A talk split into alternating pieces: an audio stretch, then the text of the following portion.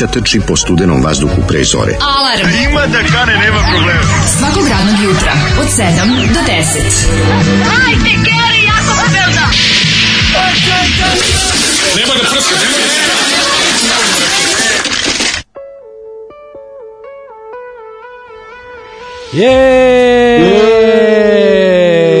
Jale, jale, dobro jutro.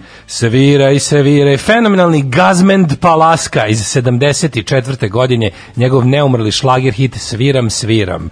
E, pokušao sam... Gazmen pa laska. Ja Ne znam da li znaš, ali Gazmen je laska od želi, ženama i tako ih muvao. U to vreme se to tako radilo. Gazmen je ovaj, izdao samo tri singlice, nažalost, ne znam šta, se, šta je prekinulo njegovu prolifik karijeru kasnije, ali je vladao je diskus. Otvor- o- Ostao je na Splitskom festivalu i tamo otvorio budicu. koje- Zatvorili su ga u WC-u. Izgleda su ga zatvorili u WC-u i da je, da je ostao tamo negde kad se završila pesma Mediterana da ga neko još nije pronašao još uvijek. Da, da nije mogu zbog metli, bre, zbog metli koje su pale na vrata. Otvorio da budicu malo da i prodavao i novine i da da skuplje školjke. Svašta radio Gazmen. mislim. Pravio je suvenire od Nema školjki, ono i tako. Da, da, da, da. da. Divni Gazmen Ovaj, Palaska. Nekorektna šala u 7 sati i 3 minuta. Dobro jutro. A inače jako mu dobar dizajn svih njegovih omota singlica, Zoli ima celu kolekciju, sva tri izdanja koje je imao, a šta drugo očekivati od diskosa. E, dobro jutro, utorak je napolje je minus dva, jako je hladno, ceo grad ima onu glazuru od leda i sve izgleda odvratno, pravo da vam kažem uopšte, ovaj, ukoliko ne morate da izlazite, naravno nemojte, ovaj, e, e, sa mnom ne u studiju je čovjek koji ne mora da izlazi, pa da ti kažem da si baš dobro prošao. A, ovaj, Ej, pa ali decembar je dale, mislim prvi decembar je u redu je da je takvo vreme, mislim sad jednostavno pripada ovom, ovom, ovom mesecu, znači da bude ladno i da nosiš kapu. Pa loš kap sve super, nego je onako baš, ne volim kad te zaleđene automobile, imam utisak da nijedan ne radi, da će to sve da izađu ljudi i da budu tužni, onda da, da drndaju, da verglaju, da, evo gospođe komšinica tu već pet minuta pokušava u svoju škodu f, felaciju, kako se zove, da, ovaj, da, da sposobi da krene, pa sve, a znaš koliko mi je nagruvala, ovdje sam da zatvorim čak ovaj, ulaz, ova vrata od terase, jer je toliko ugljen monoksida nakrljala da, da i mačka revoltirano otišla u drugo dvorište.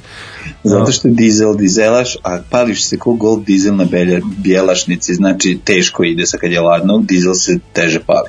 E, kaže, ovo je bio zicer u nedostatku pravih hitova, lako je kopati po šlagerima, ja se izvinjavam Zoli je dono, šta je dono, ja se ne mešam u njegov izbor. Da, E, kaže, da. imali kraja ove pesme? Interesantno, ova pesma traje svega 2 i 20, a izgleda kao da traje 7 minuta. To samo Gazmend Palaska može da napravi. A još jedna stvar je jako zanimljiva kod ovih pesama. Stalno, stvarno imaš utisak da pripadaju nekom potpuno drugom vremenu. Takozvanom bezseksualnom vremenu. Ovo je imaš vreme- bezkontakt- kontaktno vreme. Ovo pripada osjećaj vremenu- Kad slušaš to, da kao da nema, Da. kao da je, on peva toj devojci, a ta devoj, devojka mumificirana leži pored njega. Mal, a oni bekovi su kao pokojna Pospišilović, kao Rahela Ferali. Svira, svira, znaš, sve neko nekako Da. više 1930 nego 1960 ne znam da li to, to tim šta je osjećaj. Hoće na 60, ovo je 75-a, četvrta, peta, ali je fora u tome što, da, bekovi kao da ih pevaju oni mrtvaci iz sabirnog centra što lebde oni. Jeste, da, da, malo je Zlatibore, moj Dragane. E. ne, pa i, da, da, i to, a i ona, da, ona druga, Neko je baš i rekao. Cveta pesmu. višnju, cveta, cveta trešnja u planini, da, onaj čuveni hit Simjanovićev, majko moja. Neko reče da je pesma baš kao da je peva grobljanski, gro, ovaj, grobljanski hor iz balkanskog špijuna. Ovaj, kaže, Gazmen Palaska je bio pravnik u Prištini do 99.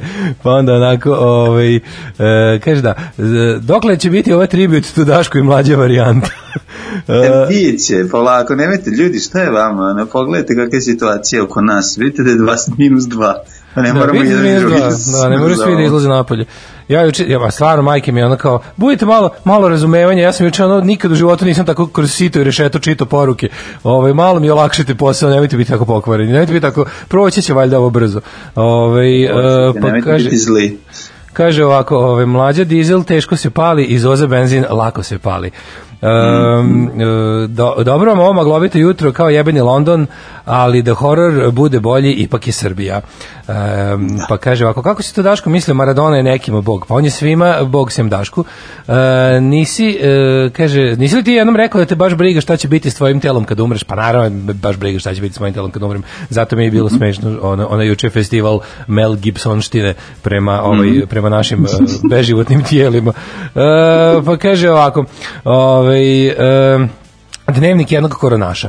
Preležao sam uspešno koronavirus i mogu vam reći da to najgore, najgore stvar kod gubitka mirisa je to što izgubiš privilegiju da osjetiš sopstveni prdež ispod organa. Pa se navikneš da ništa ne smrdi, Mm, pa gruneš. ovaj, gruneš i u javnosti, e, opustiš se, pa kažeš ako već ne vonja i ne čuje se ništa, kreneš da rokaš u javnosti bez milosti po okolinu, nešto slično penzionerskom prdežu u javnosti i sad moram ponovo da se navikavam na prigušivač i tihu gubicu, pa posle kažu da korona ne ostavlja trajne posledice. E, Dobro, mora se, mora se voditi računa. Kad već- Još jedna stvar je jako bitna. Nošenje maske može tebi da, da ti da stvoriš utisak da prdež nije ovaj, snažan i da nije problematičan. Da. Međutim, ekipi koja recimo nema maske, ovaj, može bi predstavljati jako veliki problem. Tako da vodi računa i maska stvara lažni osjećaj slabog prdeža. Znaš o čemu bih ja volio još da se govori u javnosti kao ovaj posledice? Čemu? E, ljudi su mnogo lepši kad im ne vidiš pola lica. Ja imam utisak bukvalno da kad pogledam osobu i sad ako, nije baš, ako baš nešto nije mnogo ne u redu s njegovim gornjim delom lica, ako mu baš nešto Da. oči nisu čudno raspoređene ili ne, baš nešto, nešto onako baš ako nije ekstremno u redu, ovaj, i kod žene i kod muškaraca, sve žene su lepe, svi muškarci su simpatični, ovaj, dok im ne vidiš celo lice. To je prosto nevjerojatno koliko, ja sam mislio da tu nos i dole usta, da tu već, kako ti kažem, mislio sam da se celo usta, da se celo lice dešava tu negde pri vrhu ili eventualno na sredini i da ako si video to, video si sve, a u stvari nisi. Znaš koliko ima ružnog sveta kad sklone masku, ne, na primjer, izađeš nekim, ko ti u prodavnici bio lep, zajedno izađete napolje, on skloni masku, vidiš, a u, pa kako je moguće? Kako je moguće? Da, da, da, da, da, da, da. Pa vidi, znaš šta je fora? A, malo taj hijab styling koji furamo sad svi ovaj, je doveo do, doveo do toga da se ističu oči.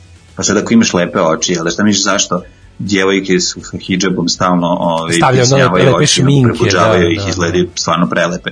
S druge strane doveo je jedan problem, a to je da su ljudi malo gluvi, jer ljudi su navikli da gledaju i usta, a ne samo ovaj, a ne samo da slušaju. Tako da jako puno nesporazuma ima koji dovode do toga da se pojedinci lepe za pleksiglas u pokušaju da kažu recimo u mesari da naruče uh, mlevenog mesa pola-pola i onda nastaje Znaš kakva, znaš kakva komedija zabune Pavićeva ono, u Mesari Kuzmanović kad treba nešto da se naroči. A da kaže, ja sam malo naglu, a prodavačica kaže, ali ja ne vid, ne razumem šta vi pričate, jer ja čitam sa usana. Au. Znači, Alan Ford teški, ono. Mislio sam da je sledeća rečenica, šta želiš dječače, kilo papra da ti saperam u žile.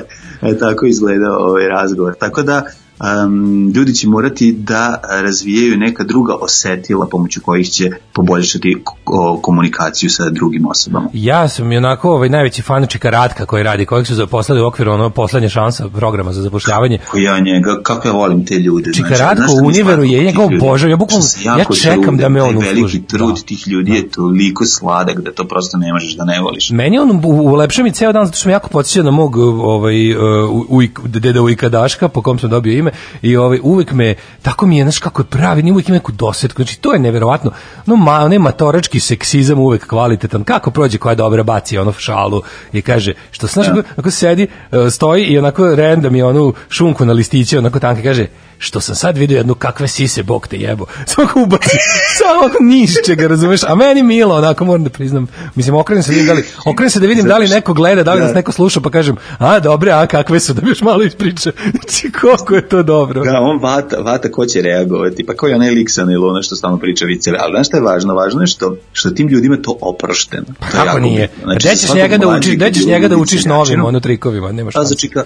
Da, za čika ove, Ratka. Ratka koji je prošao sito i rešeto i koji je ono sada ove, u silaznoj putanji, prvo što je super što ima celodnevnu zabavu, drugo i ti ljudi se zaista trude, ima u, u ovom u ideji preko puta nas ima jedan čovjek koji radi te stvari, ove, mislim da je pr- preživa neki šlog ili tako nešto, ali bre, znaš ti kako on fercera, znaš kako radi, vuče te korpe, razvaljuje, vidiš da baš ono, i vi i važno je to, znači svako u društvu ima svoju ulogu i može da doprinese boljitku, e sad ovaj, to bi trebalo da je sasvim normalna stvar. I radujem se tome, znači ono, mislim, mnogo mi je bolje kad vidim čoveka da u starim, mislim, jeste u redu da pod stare dane ne moraš da radiš, ali ukoliko želiš, trebalo bi da možeš, ukoliko želiš da, da, da sebi ispuniš život tako nečim, to je, to je baš dobra stvar. E, a sada mi slušamo, idemo, počinjemo jako od ranog jutra, slušamo da se razbudimo Dead Kennedys, Soup is good food, o tome kako je to kad neko više nije potreban u kapitalističkom društvu.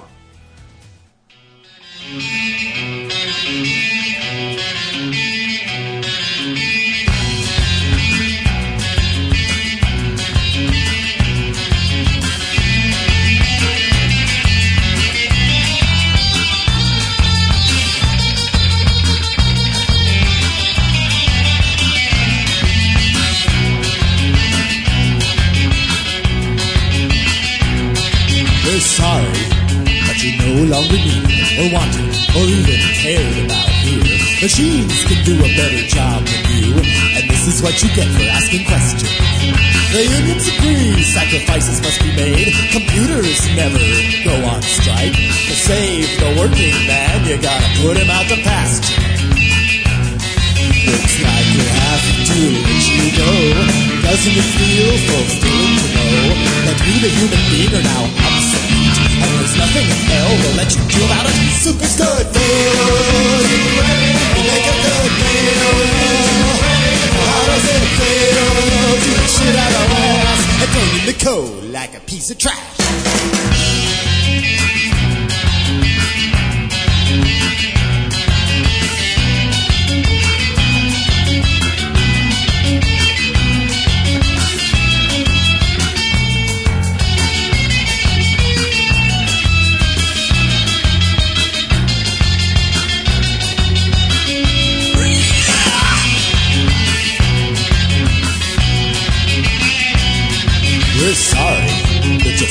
To leave. Unemployment runs out after just six weeks. How does it feel to be a budget cut? You're snipped, you no longer exist. Your numbers been purged from our central computer, so we can read the facts and you under the rug. See our chart, unemployment's going down. If that ruins your life, that's our problem. Soup is good food. Make a good meal. How does novo.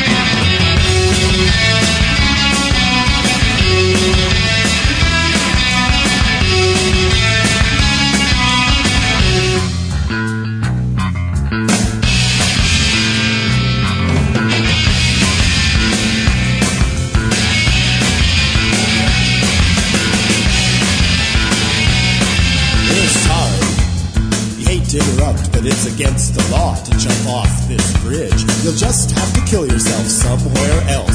A tourist might see you and we wouldn't want that. I'm just doing my job, you know. So say uncle and we'll take you to the mental health zoo. Force feed you mind melting chemicals. Till even the outside world looks great. High tech science research jobs. It costs too much to bury all the dead. The mutilated,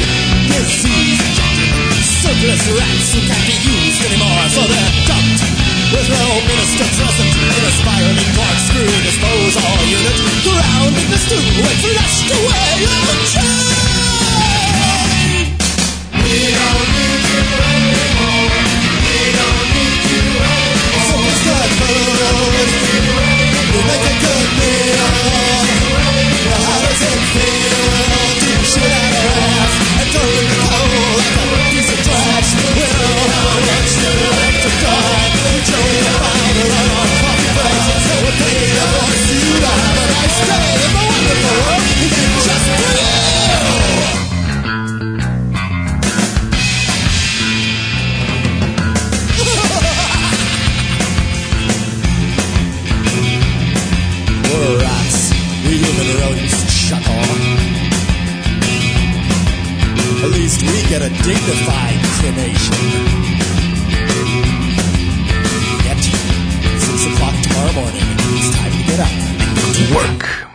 Ovo su bili Dead Kennedys i Soup is Good Food s njihovog genijalnog albuma Franken Christ iz 85.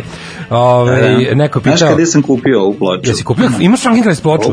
Svaka čast. No, Frankinkersku ploču sam kupio od popularnog novosadskog trgovca pločama Šeleta. A, sam Šeleta, bio kod Šeleta. njega, Aha. neke 1997. recimo. Uh, jedan prijatelj me odveo, sam ušao u taj stan i tamo zatekao taj ovaj haos, zapravo stan prepun ploča i ovaj, bila jedna trgovina onako dosta tvrda i teška, ali sam ja uspeo na kraju za nekih 9 maraka da kupim tu ploču. To, car, imam jedno pitanje za tebe. Da li imaš verziju sa onim e, bezobraznim posterom unutra ili bez? Mm, Bez reizdanja. neko. Reizdanje, aha, da, da, da. Ali mislim original je, mislim to ne, ne nije, nije ni bilo naše izdanje. Nije, nije, kakve ne, Plastic je. Surgery, mislim da ima kod nas. Samo isto, Plastic Surgery od Dead. Kennedys je bio bravo, da, samo Plastic Surgery izdašao u da, uh, da. ova radio televizija Ljubljana izdala. Um, kaže ovako, istina, meni je mnogo lepša bila s maskom ona kraljica, voditeljka sa N1, u onoj kožno jakni. Posle tek vidim kako žena izgleda, ali dobro i dalje je kraljica. Uh, može makar luka da se jede zdravo mnogo, Ratko uh, stera slatko, odo da koljem svinji, aj zdravo do sutra, uh, oči su ogledalo duše, s maskom su lepši samo dobri ljudi, takozvane alarmđije. Uh, ne, kaže, neka vas neka, treba dobri čovek da preživi i obnovi čovečanstvo, a mi hedonisti smo se i onako nauživali, mi smo i pokvarili svet, kad jednom izađe, ceo svet će biti najlon. Uh, Neće, ceo svet biti najlon ljudi, ja volim najlon, ali ne u svojoj kući. Mislim, kako ne razumete? Pa Super ne, nego najlon kad jednom izađeš iz kuće, sve propadne, ali da ga izađeš na- napolje, sve ne, stoji po zemlji. kratko, pa da, da imaš da ga na dva sata i onda izađeš na najlona, pa nije dobro stalno najlon, ljudi, šta vam, pa šta ne bi bio jednom nedeljno? Da svaki dan ne bi to bilo to. Velika iščekivanja su važna stvar. U Beogradu su ljudi i napolju lepi, jer taj divan vazduh kojim se trujemo nam govori da bi i napolju trebalo da nosimo maske. E, Po Air Visualu smo i danas u prvih 10 gradova po zagađenju. Ko hoće čestite, ne čestite, dobro jutro, dobri ljudi. Juče u- uveče u Novom Sadu bilo, ja se zatekao u, negde u smira i dana, sam se zatekao na popularnom telepu, majko mila tamo svi lože, a lože uglavnom, ja mislim, gume od autobusa. To bih rekao, po, po mirisu bi rekao da lože gume od autobusa, što je stvarno bilo gusta magna, gu, gust mi smog padnao i to je bilo baš onako, šta ti kažem. E, Ne, hoću ti kažem vezano za maglu, ovde kod nas kad, kad je taj nedisljivost napolju velika, kad smo, na, kad smo lideri u regionu po zagađenosti, kada otvoriš vrata od terase, imaš osjećaj da neko napolje suši šunku. E, taj, taj miris. A to je bolja varijanta, izvini. Neka zadimljenost užasna, ovaj, neka zadimljenost užasna kakva, ovaj, kažem ti, kao u pušnici. A ta- bolje, takav to je, miris to je bolja, polja. mlađe, to je bolja varijanta da je miris kao u pušnici, kažem ti, ono na telepu juče bilo kao da je ono u na manjači dočekuju srećnu novu 93. palići gume. Znači bilo je baš onako, čekao sam samo da izađe ono Vukovi s manjači da otpeve nešto. Da, da. Jesenas je sa mnom u rasadniku radila baba od 81 godine. Baba vesela što je među ljudima, a meni tužno jer nikad ne bi došla da rintam za bogate strance po hladnom vremenu da mi nije preko potreban novac. Pa i on je, njoj je bre preko potreban novac. Nije ni on došla zato što baš voli ovaj, da, da, ovaj, da se, nije toliko, ovako, nije toliko ja stalo do tvog društva. Ima tu kombinacije, ima tu kombinacije, ovaj, nije to uvek sve tako. Znaš ti, ovaj, postoje jednostavno ljudi kojima je ono, socijalizacija pod stare dane jako važna. Ja cenim i one matorce koje vole da ovaj, kad ustane ujutro sipaju u ča, rakiju u čašu od dva deci i da karte šaha. I to je super. Zlojebi koji dobacuju. Ali postoje i oni, oni ljudi koji kojima je važna ovaj, to da imaju posao i po te stare. Tako da mislim da treba da postoji opcija kako, kako želi, ali bi najlepše bilo da da ljudi pod stare dane mogu da žive u penziji bez da moraju da rade. Mislim, to je pa to mislim, bi zaista lepo bilo je, važno. lepo je, lepo je kada se dve stvari poklope. Meni je super kao kad je to malo švedski varijanta, pa ono kao M, M omogućimo starim ljudima da je kao ovaj nadomeste penziju, M ih stvarno ne guramo iz društva, ostavimo ih tu među nama. To je meni najlepše. Mm, to je važno. Ja imam utisak, ne znam, kod, kod Čika Ratka, kog sam već pomenuo, nekako čini mi se da je uspešna oba, zato što on stvarno on je omiljen među ono potrošačima. Ja se samo nadam da se neće pojaviti neka previše woke i politički korektna osoba koja će smetati njene, o, njegove, njegove, slo, nje- njihov, njegovo slobodno ponašanje i da ga tamo nešto prijavljuje. Pošto vidim da novi trend tako otprilike sad ono ovaj, a, razmaženo iživljavanje nad, nad radničkom klasom i, i zahtevanje od njih da se ono da budu otprilike kao svi sa studenti sa Berkleya ono. "E, prijavit ću dostavljača jer je mi je očiukao sa mnom. E, e, juče sam se jako uplašila jer je dostavljač rekao da sam lepa i tako. Mislim to mi je baš bilo onako ajde ljudi ono trenutno zavisimo od dostavljačima. Kad god vidim nekog ko ono na minus dva vozi glovo bicikl dođe mi da mu popušim od sreće što to radi ono a ne da a ne da ga još i drndam što mi se nije ono politički korektno obratio. E, ja ću sutra voziti bicikl oko ovaj, 10 i 15. A pa- pa sklonite se s ulice. Da sečeš podcast. hoću, hoću. Ove, kaže, Dobro, eto, čisto da molim vas, Neđo je sa Manjače, a Vukovi su sa Vučijaka, kaže ženja, koji dodaje, ja ne morate verovati, danas ne idem nikuda. Ove, e, pa kaže ovako, E, dobro jutro, moja ma, majka penzionisana medicinska sestra ide već drugu godinu zaredom brati jabuke jer je to od uvek želela. Eto, kaže, Mhm. zato je zabav, zato što je zabavno. To je super. Ja baš volim Super što je, si ti u stanju i što ovaj, da svojoj majci dovoljno pomogneš ili što je u njoj inače dobra penzija, pa može čisto rekreacije i zezanje radi da učestvuje u berbi. E, Odlično bre čoveč, kažem ti, ljudi, jako je važno ne biti skrajnut iz društva. Mislim, to pa je to bitno kažem. za mentalno zdravlje pojedinca. Bolje to Jako, nego besciljno vozanje autobusima. Lepše je lepše je ovo drugo. Kaži mi, kako si proveo jučerašnji dan? Moj jučerašnji dan je bio, ovaj, to ću ti otkriti sledeće nedelje kako izgledala moja ova cela nedelja, pošto je izuzetno turbulentna svakodnevno, da reći ću ti zašto posle, pošto je sad malo da tizujem, a ako se bude bilo kako treba. A druga stvar je, pogledao sam prvu epizodu francuske serije Revolucija na, U, na, da, na da, Netflixu, da, da, koji da da. vidim malo, da ga za Evropim, da vidim šta rade i kako to izgleda pošto je to deo istorije koji mi je jako zanimljiv, ali dosta i konfuzan, dok nisam polagao ovaj, m, Novi vek 2, zapravo nisam francusku revoluciju ovaj, usitna crevca ispitivao i, i sve znam, i onda sam to položio. znaš šta je još i dosta problem, Mlađo? Savladao. Nije se učilo u 20 to vreme, godina da. I sad mi je bilo super, rekao daj da vidim kako izgleda to kada oni obrade, a i još ga dramatizuju, onako da bude interesantno. Prva epizoda je dobra, sad vidjet ćemo kako će se dalje razvijati, nego je zanimljivo da je, ovaj, da je ta digitalna jel, tehnologija dovela do toga da konačno to može da i da se snimi, znači pa sad vidiš da je ovaj, dosta toga iscrtano i, i nabuđeno da izgleda kao da je 1789. godina, odnosno 10 godina pre toga kada i kreće priča, ali je zanimljivo, ono, mi znaš kad vidiš giljotinu krvavu, ovaj, kao ikonu, A, pa ti još nisi da video, ti da još- pogledaš, čekaj, onda te privuče da vidiš kako Jel u prvoj, jel u prvoj epizodi još nije bilo, ovaj zaboravio sam, ja sam pogledao pa pola sam pogledao, ovaj zaboravio sam, jel tu već ne počinje, dobro. jel tu već ne počinje ono o, o razmimoilaženje sa istorijom. Pošto znam da na našim fakultetima se nije učilo o zombijima u francuskoj revoluciji, ali sad ćeš to ispraviti. Ovaj. Ej, pa ali hoću ti kažem, ne znam ko izujede, ja sam mislio da Da, su vidite. izujedeli zato što su siromašni. Pa, ne da. zato što su zombi. Pa mislim, Da su, zombi uslovno rečeno već bolestina. što. Izbija, izbija velika epidemija. Ono. Da vidjet A, okej, da. sad si mi otkrio nešto što... Pa da, pa što, to je fora. Nisam još...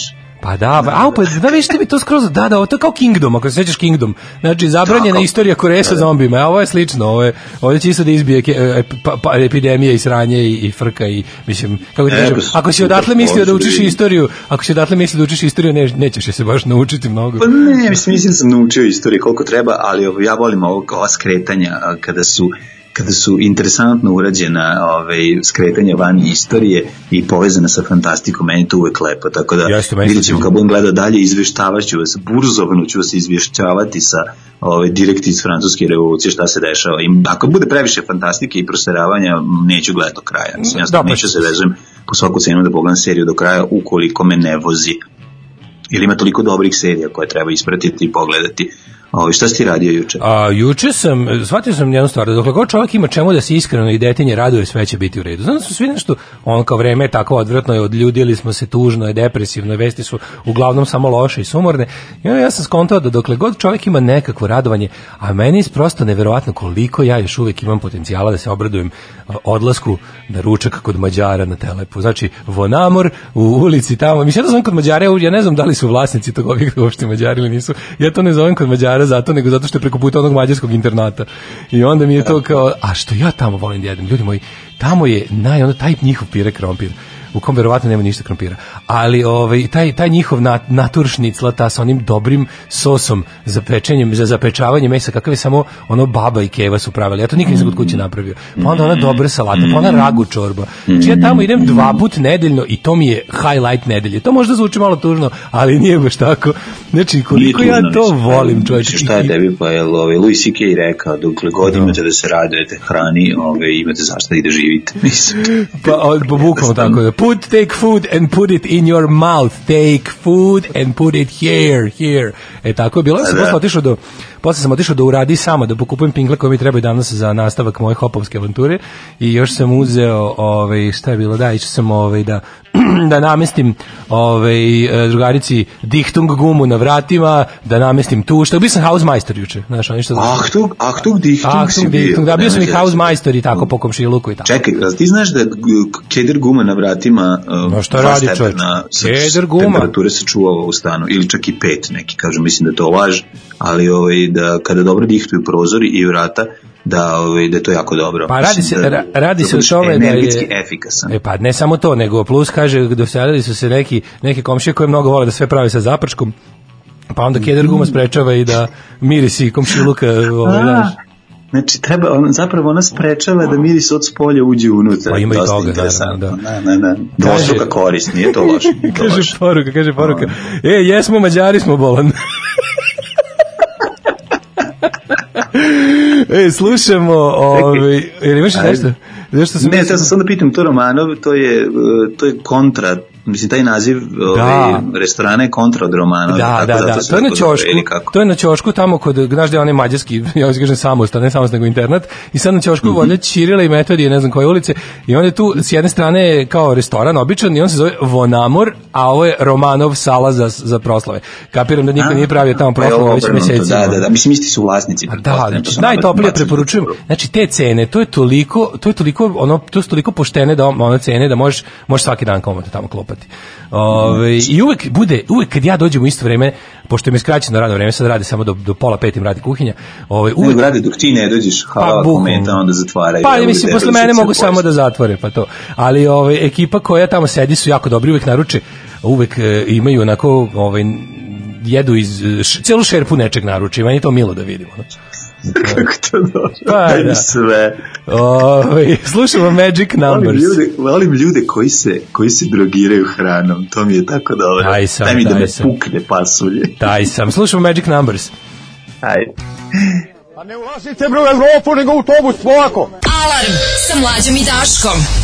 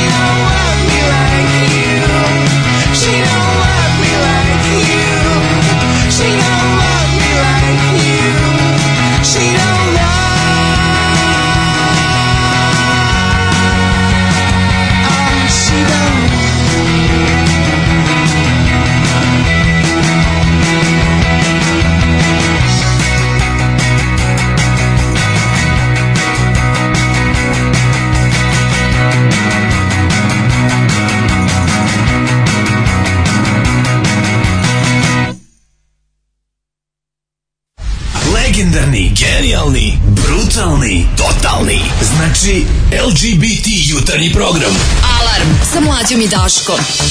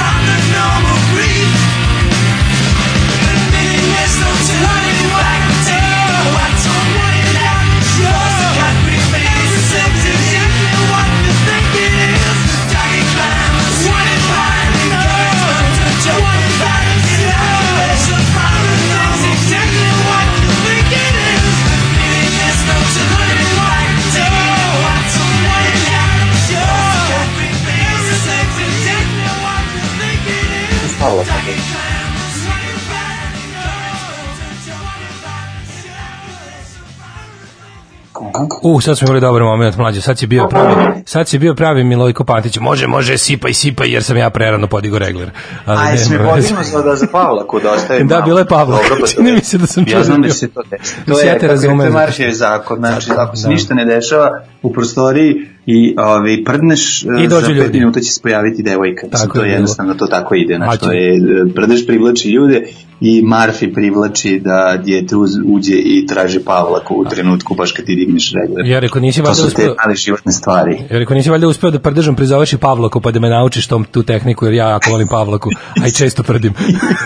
Tako da... Pa, ovaj, ne, ovaj, voleo bi da to uradiš. Ti bi jasno ga voleo pri, privući prdežom. Uf, ja bi samo to radio po ceo dan. Bio bi deadliest catch svaki dan moja emisija, gde prdim i jasno iskaču na mene. Uh, posle, o, posle ove dve pesme i Bruce Springsteena bih rado slušao i to ću ti omogućiti kasnije, dragi slušalci. E, a izvini šta je ovo drugo sad što smo slušali? E, ovo su bili The Ebbs, znam da bi ovaj, uvijek taj bend hoću da ti preporučim da, da malo bolje proučiš. Odlični su, imaju neki dupli CD na kojim, na koji staje cijela njihova diskografija. To je ona ekipa, početak 90-ih eh, UK scena, um, MC, Mega City 4, eh, ne znam, tako, oni, onako, super ta muzika, znaš, ona, ona kvalitetna, melodična indie rock punk muzika, ona.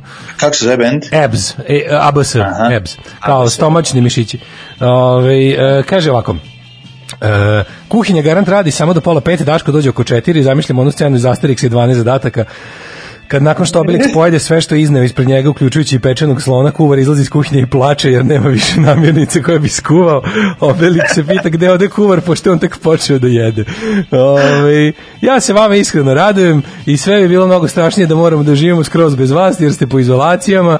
E, kaže tako da hvala. E, hvala na poruci. Pa onda ovako, ovaj, e, glup vid za Daška ovog jutra, je, kako se zove srećni epidemiolog? Hepidemiolog. Ovo je stvarno glupo svaka čast. Ovaj, ne, uspeo sam da se ni ne nasmejem. Ovaj, ima neka Green Day vila na Hopovu, to mora da je Daško. Green Day vila je nekih 300-500 metara od mene i kad su neke malo glasnije svadbe, ja ih ovaj, dobro čujem, a ne mogu da ih vidim, ali ovaj, da, oni su onako bliže Novom Sadu od mene, jedno 300-500 metara skretanje i ovaj, e, uvijek sam se pitao ko je nazvao tako svoj objekat. Ali čuo sam da njima jako dobro ide. da Čuo sam da im jako dobro ide da, da, da zarađuju bolje od reseta, uz manje ulaganja.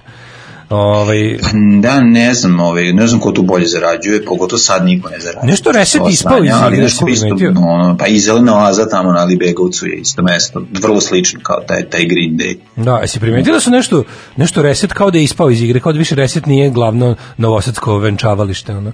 Kao da su ga Nije, Nije izgustirali. ispao iz igre, ispao iz igre kao i svi lokali tog tipa, mislim, A, zato što da. jednostavno ne možeš, ali nije, ve- veoma je popularan i ono, vole ljudi tamo ono, doći i zabaviti se, mislim, svako mesto koje ima bazen tog tipa i tako izgleda da, mi je popularno za ne znam svadbe. da li- I ono, tu su takozvana mesta koja imaju obučene stolice. Znaš da su te stolice obučene Da, sa onim obučene sa mašnom, sa mašnom, Tako- da. takvi prostori da, ovaj, a da, to znaš kako, to možeš ovako da računaš. U tim mestima gde su obučene stolice, to je obično 25-35 evra po glavi. A kod Gojka u Veterniku je 10 evra po glavi, samo to stoji. Tamo ti je onaj go 100 daska. Pa tamo ni konobari nisu ono što se obučeni. razvlači i pod krovom je da ne pokisneš. Eto, to je, i ne znam, tu je Kako meni ti 10 kažem? evra po glavi. Pa zato što za 35 evra dobiješ obučene stolice, a kod Gojka ne dobiješ ni obučenog konobara, plus ovaj, kako ti kažem, meni je dosta rudimentarniji ovaj. Pa ne, ja ću da kažem da svaki taj detalj, kao što zvezdica dodaje cenu na hotel, tako ono još neki detalj u, Da. u organizaciji i u nabuđenosti prostora dodaje cenu na, na po glavi gosta. Kaže, tako mi prvo, tako mi se čini. prvo da se izvinim napred dobrom čoveku, a onda da ga oteram u tri pičke materije, da ga jebo i smeha deci i glupi naglasak profesorice. Ceo dan juče kao ludak ponavljam i smeha, smeha deci tim nesretnim glasom. hoćemo u Pa prošlost. šta hoćeš bre čoče, ti si to dobio sad, ja sam to dobio 88. godine od nje u četvrtom razredu i ne mogu da se otarasim i smeha, smeha i smeha deci. Meni je 600.000 puta gore. Podelio sam sa tobom malo i ono, malo taj osjećaj uh, tuge neka pređe na nekog drugog transfer tuge. Ajmo u prošlost, kada još nije bilo smeha deci. Ajde, ajde.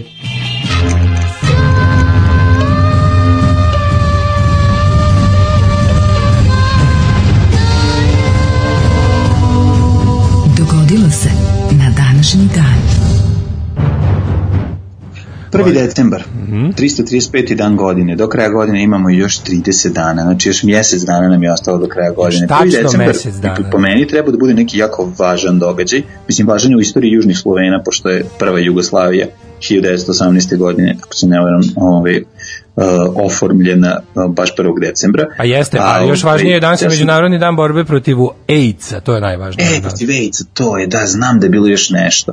Danas se deli kondom ili tako nešto. To je Deli bila, se na dva ovaj, dela. se Mislim, ne da delimo ti i ja jedan kondom. da se deli kondom između dva partnera.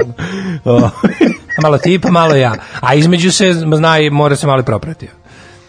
I samo da vam kažem, mi nismo kondomi, mi smo kurčoni od ljudi. Naravno, nikad nisam bio da to. To je, to je razlika. Ovaj, E, a drugo, imate danas- Kao danas- između, ovaj, između pizda i pička, ali tako što bi rekao ovaj, Rade Šerbeđija u Vari Oliveri. Raspitajte Velika se- ra- razlika. Raspitajte Da, da. se danas gde možete, imate danas ona besplatna testiranja za AIDS i to. Mislim, znam da sad su svi zakupljeni nekim drugim vidovima zaražavanja i u pitanju Da. druga pandemija, ali ovo, eto i ovo Znaš je... koji si hipster stani, znaš koji si hiritant. Kao dođeš tamo, kao dobar dan. E, izvinite, kao, ovaj, kao, ok, ajde, kao, daj nosi. Ne, ne, ne, to, ne, ne, ne, ne, pa šta ćete?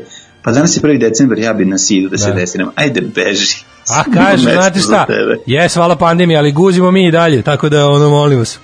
A, da, A još smo nešto, da. nešto smo, kako se kaže, upali u fatalistički mod, pa se manje štitimo, zato što, eto, kao, Mhm. nije bilo ko prošle godine da možemo kad hoćemo, sad kad, sad kad možemo, jebi ga. I onda, je, onda smo nekako, ne stigne čovek ni da propere kondom, tako da mora se, mora se čekira. Ove, A treba koristiti pleteni nakornjak, to je sigurnije. Mislim, tako kažu od crkva, crkva kaže, ili to ili od kosti. Tako kaže ovaj kako ja sam juče čitao mlađo moj prijatelj druži brate čitav niz od 20 tvitova imbecila vnoga onog onog debila debilnog one znaš ti kako ono strašno ne kao ja sam jedina prava pozicija znači ono je bilo znači jevreji koji jedu decu u pizzeriji su bili manje nenormalni deo njegovog niza ono Znači, šta, dete, ali ne. sad, znaš šta je sad najnovije fora? Sad za sve te gluposti i lagarije koje šuketaju, izlače iz dupeta, imaju neka kao nadrkana imena da bi bilo ubedljivije. Cin, tajni program, e, Dominion, operacija Citadela, bi rekao, ma marš u pizdu materiju, znači koliko, je- nameštanje izbora preko neokortikalnog rata, jebem vam bre, ono, znači, je ne ti da ne možeš da veruješ kako ljudi šeruju to i ono kao sa podsmehom i kao vidjet ćete, sve će pasti, mi znamo što vi ne znate. A to bi bilo še- a kad klikneš na profil osobe koja je to napisala, ljudi bedo moja, znači ono, aj, ali to je, to je neka kombinacija, ne znam, ima tu i poluobrazovanosti i, i, i, ono, i ne, ne znam, ne, uopšte mi nije jasno kako dođe do njih, kako se upecaju, to posebno fela lju- ljudi se upeca na te budalaštine onda to razvija i neguje, a još ima i neku vrstu podsmeha sa onog kao ja znam nešto što ti ne Da, znaš, pa vidjet ćeš kao šta će se dešavati. kako to smešno Izbori kada poni- vidiš? izb- kre- uvijek kreću se izbori su kao poništeni u, u Americi. Šta su poništeni? Ono? Koje vi, vi vesti gledate? Koji u kom paralelnom univerzumu živite? Gde kliknete? Daj meni da kliknem. Nemoj da ti daju, nemoj da ti daju da klikneš, ne, ne, ne, nemoj da ti daju da klikneš jer se više nećeš izvaditi iz sve zečije rupe. Upravo prisustvujem prvom strugingu ove godine koji gledam, znači the struggle is real, što bi se reklo. I, ovaj, struggle is real. Znači čovjek, znaš kako je strpljivo? Znači ja to nikada ne mogu, znači divim se čovjeku, znači uložio čovjek jedno tri minuta laganog struganja, ali je skinuo sve sa šoferke, prelepo je. Pa Ovaj, da umesto da se popne na haubu i piše Pa to bi ja uradio kako od, od besa i nemoći. Srbiji. 1167. počinje moja istorija. Ne, prosto te ti bitan gde ćeš za najluđu noć. A za najluđu noću ovaj može recimo pa šta ja znam ima tamo jedna e, jedna lepa ovaj rođendaonica iza higijenskog pošto sad kad smo pričali ovim testovima meni je higijenski pa na pamet jer sam tamo išao da da mi guraju stvari u nos proš prošlih pre prethodnih nedelja. A, Ovaj ti, a ideš u renđeonicu posle da ti guraš Pa sa malo. Slobom Georgijevim, tako. Ko, kome se gura, taj voli i da gurne. 1167. Gornjo italijanski gradovi Milano, Bolonja i Venecija oko pesma do testa e, sklopili su drugi Lombardijski savez koji je do 1183. prekinuo vlast rimsko-nemačkog cara Frederika I. Barbarosse u carskoj Italiji. Mhm, kolega, ne morate dalje o tome, dosta ste znali, Vidi se da znam, nam da. preći, preći ćemo na sledeće pitanje, 1640. Ne, ne, ne, 1250. 1250. E, Kada- Nemam. Ti znaš šta je povaljska listina? Kako? Znaš ti šta je povaljska listina? Nemam pojma šta zvuči kao Najstarija- neka- ono kao neki komad o, o rade. Evo, Kao, neka, kao neki velika riba list, šta, ne znam. E, šta je. najstarija ćirilicom pisana isprava na pergamentu na hrvatskom prostoru. O, bog, tu nisam znao. Tako Pa da, da- kao oni ti Hrvati su ranije pisali ćirilicom, jer oni su svi Srbi, kao i Crnogorci, Makedonci, Bugari i Japanci. Tako je. E, 1640, izvoli.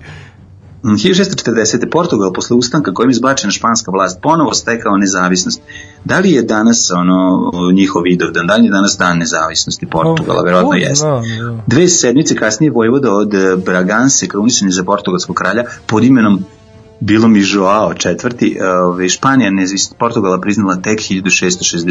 I koliko je dugo trebalo Špan- Španiji? Bili su na pregovorima, ne znam da li znaš, u, u Belgiji. U išlo. u Rambuljevu su. Kada je Portugal proglasio nezavisnost, onda Španci, Španci su pevali Portugal je srce Španije, Španije, Španije, pa ko da mi otmi iz moje duše Portugal i tako dalje. Pa ja znam. srce Portugal, nosile Pa se jedno vreme su predlagali- tog vremena, mačevalci Da. su dosta ove, furali to i onda je, do, moralo, onda je takozvan, onda je španski kralj rekao sada je vreme prihvatanja realnosti.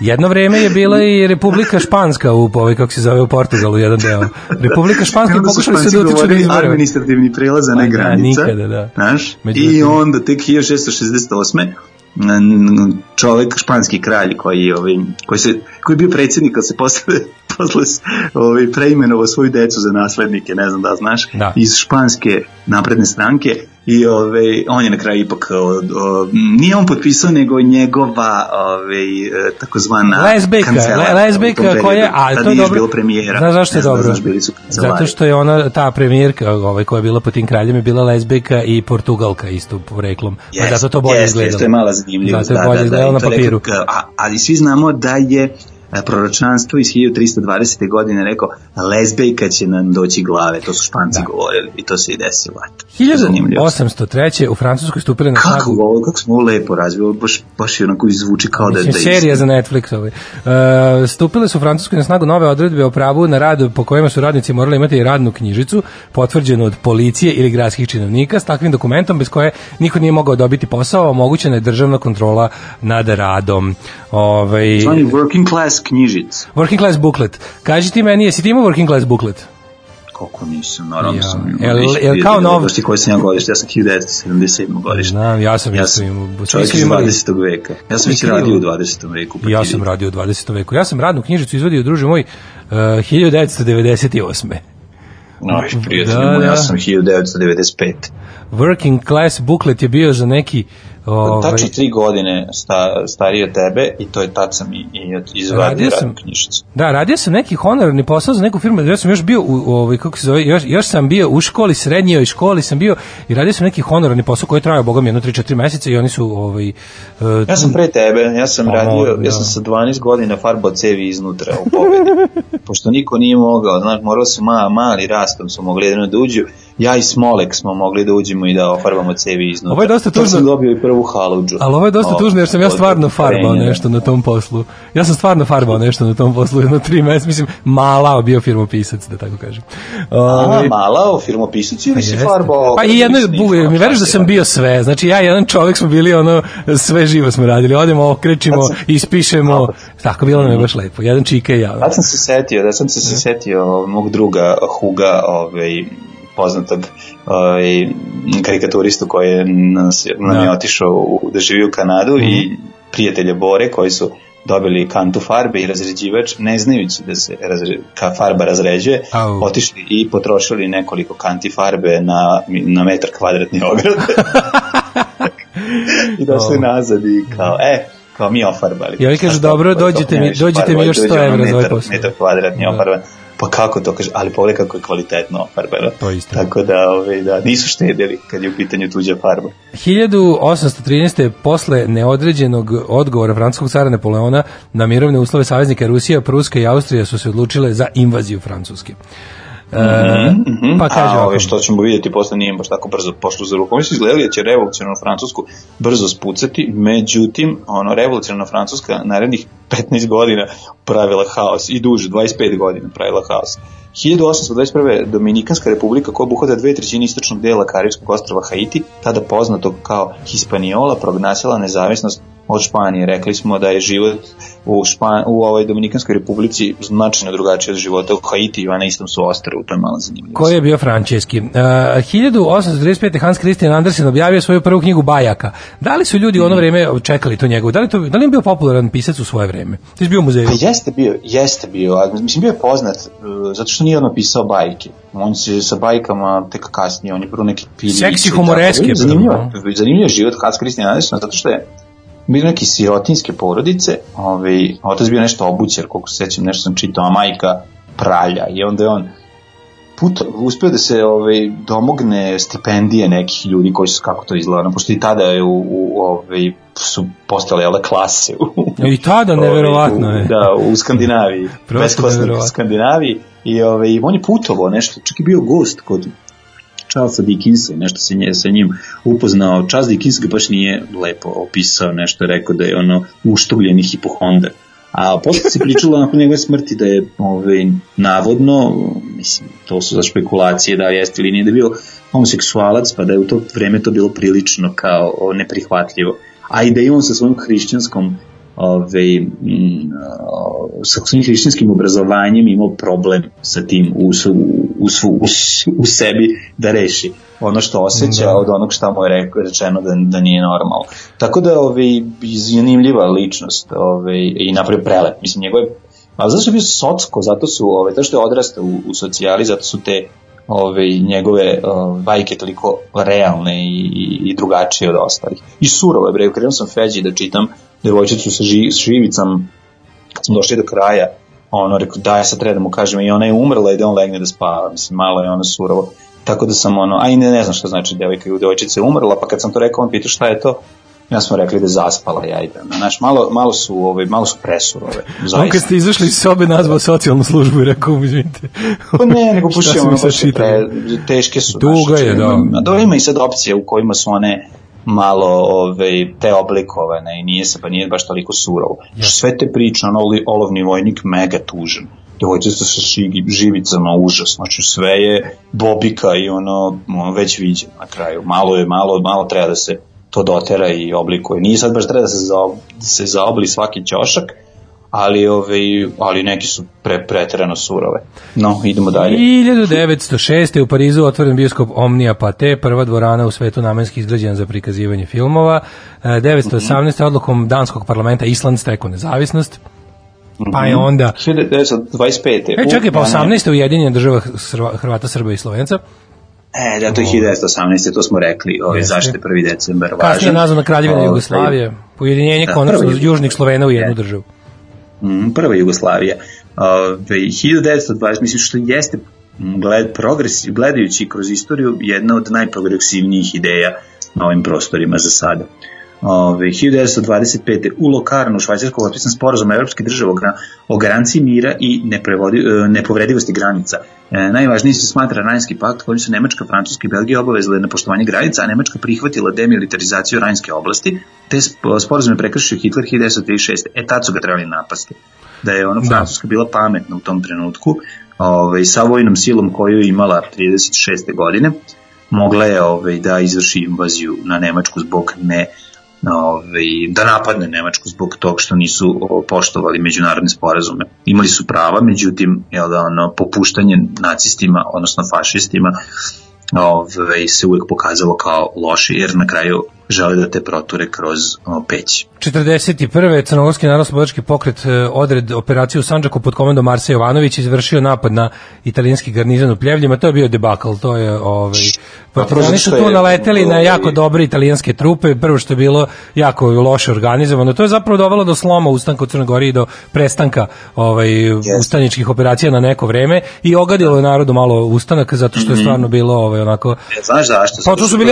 je Od vrhovnog štabla stigla Da, da, da, to je bilo stiglo potpuno. naređenje da se ne ide u napad, jer Da, su da, da, da, prvo, da. prvo, prvo su ovi italijani bili obavešteni o njihovom dolasku. Mislim, Drugo što su to kao, bile znači, jako dobre da trupe. haos.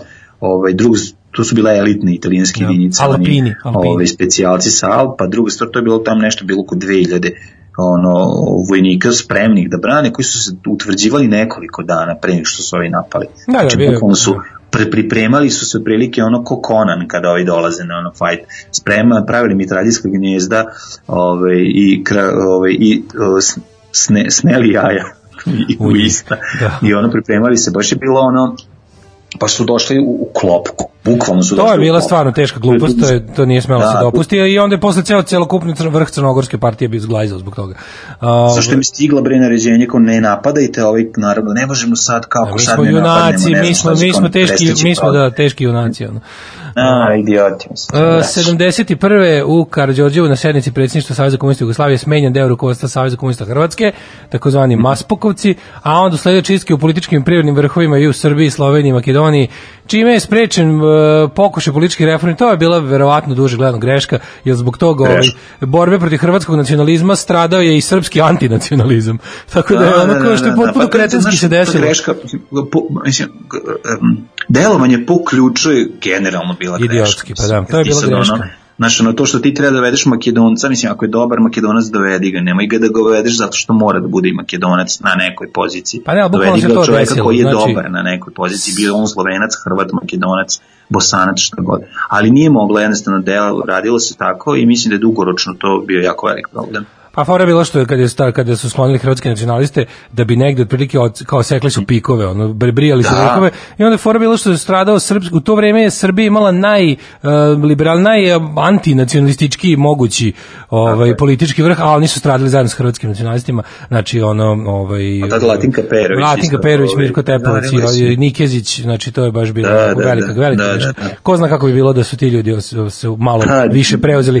A vratili su se ovi ovi boljševički čvrstorukaši koji su jebi ga ovaj na kraju, da, a koji su na kraju doveli, u, mislim sada ne bude ono kao da da da da da povlačim predaleke linije, ali to čvrstorukaš koji je na kraju dovelo i do uspona Miloševića, ali to sad već dve Mhm. decenije kasnije da ne budemo ovaj previše možda i ovaj uh, proizvoljni. Uh, 1976. Angola postala članica Ujedinjenih nacija, pa onda 81. u najvećoj nesreći u istoriji jugoslovenskog vazduhoplovstva DC-9 Super 80 i Inex Adria avioprometa udario je u planinu blizu Ajačija na Korzici, poginulo je svih 178 putnika i članova posade. Jebate, od tolikog sredozemnog mora, oni su nabali planinu na, na ostrvu. Da, da, jezivo, jezivo, ne znam kako se to izdešavalo, zašto je došlo do toga. Znaš, Korzika celo nije velika. Da, ali znamo da ta ta se kompanija nikad nije oporavila. Mislim, oni su imali, ja mislim, čak i dva pada. Jel su bilo dva pada ili samo jedan? Dva, dva. A, oni su baš, lo, oni su uvek bili, posle toga su se okrenuli da budu otprilike kargo prevoznik u, u velikoj Jugoslaviji. A, užas. je bilo to. A, 1988. 1988. Ajde. Benazir Bhutto postala premijer Pakistana kao prva žena na čelu jedne islamske zemlje. Uh, 1989. Mihajl Gorbačov uh, posjetio Vatikan kao prvi sovjetski Mhm. lider. Dogovorio se uspostavljanje diplomatskih odnosa u Alsen, ali su ih imali sovjetski savezi, Vatikan čitavi godin i po dana pa se raspao sovjetski savez. Uh, pa onda, da, 91. Ukrajina je izašla iz SSSR-a, uh, pa kaže ovako... 2000 tek Ajde. meni, a imaš nešto? pre? Ne, ajde.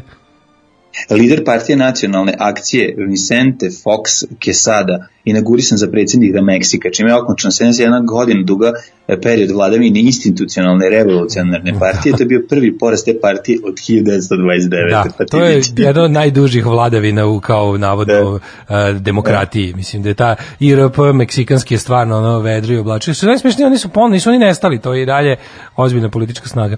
Ovaj uh, 2002. za predsjednika Slovenije je izabran Majonez Drndovšek. Slušamo Ash i Angel Interceptor. Trenerke, trenerke, trenerke, svi vole trenerke, imamo najkvalitetne trenerke po najnižim cenama. Sada su na raspodaju dva para za 15 maraka. Dođite u STR dobre trenerke, najbolje, 100% original, 100% trenerke. Dušanova 15, tako je, Dušanova 15, baš tako, dođite u Dušanovu 15. Ženski boli po muškarci imaju kvalitetne trenerke.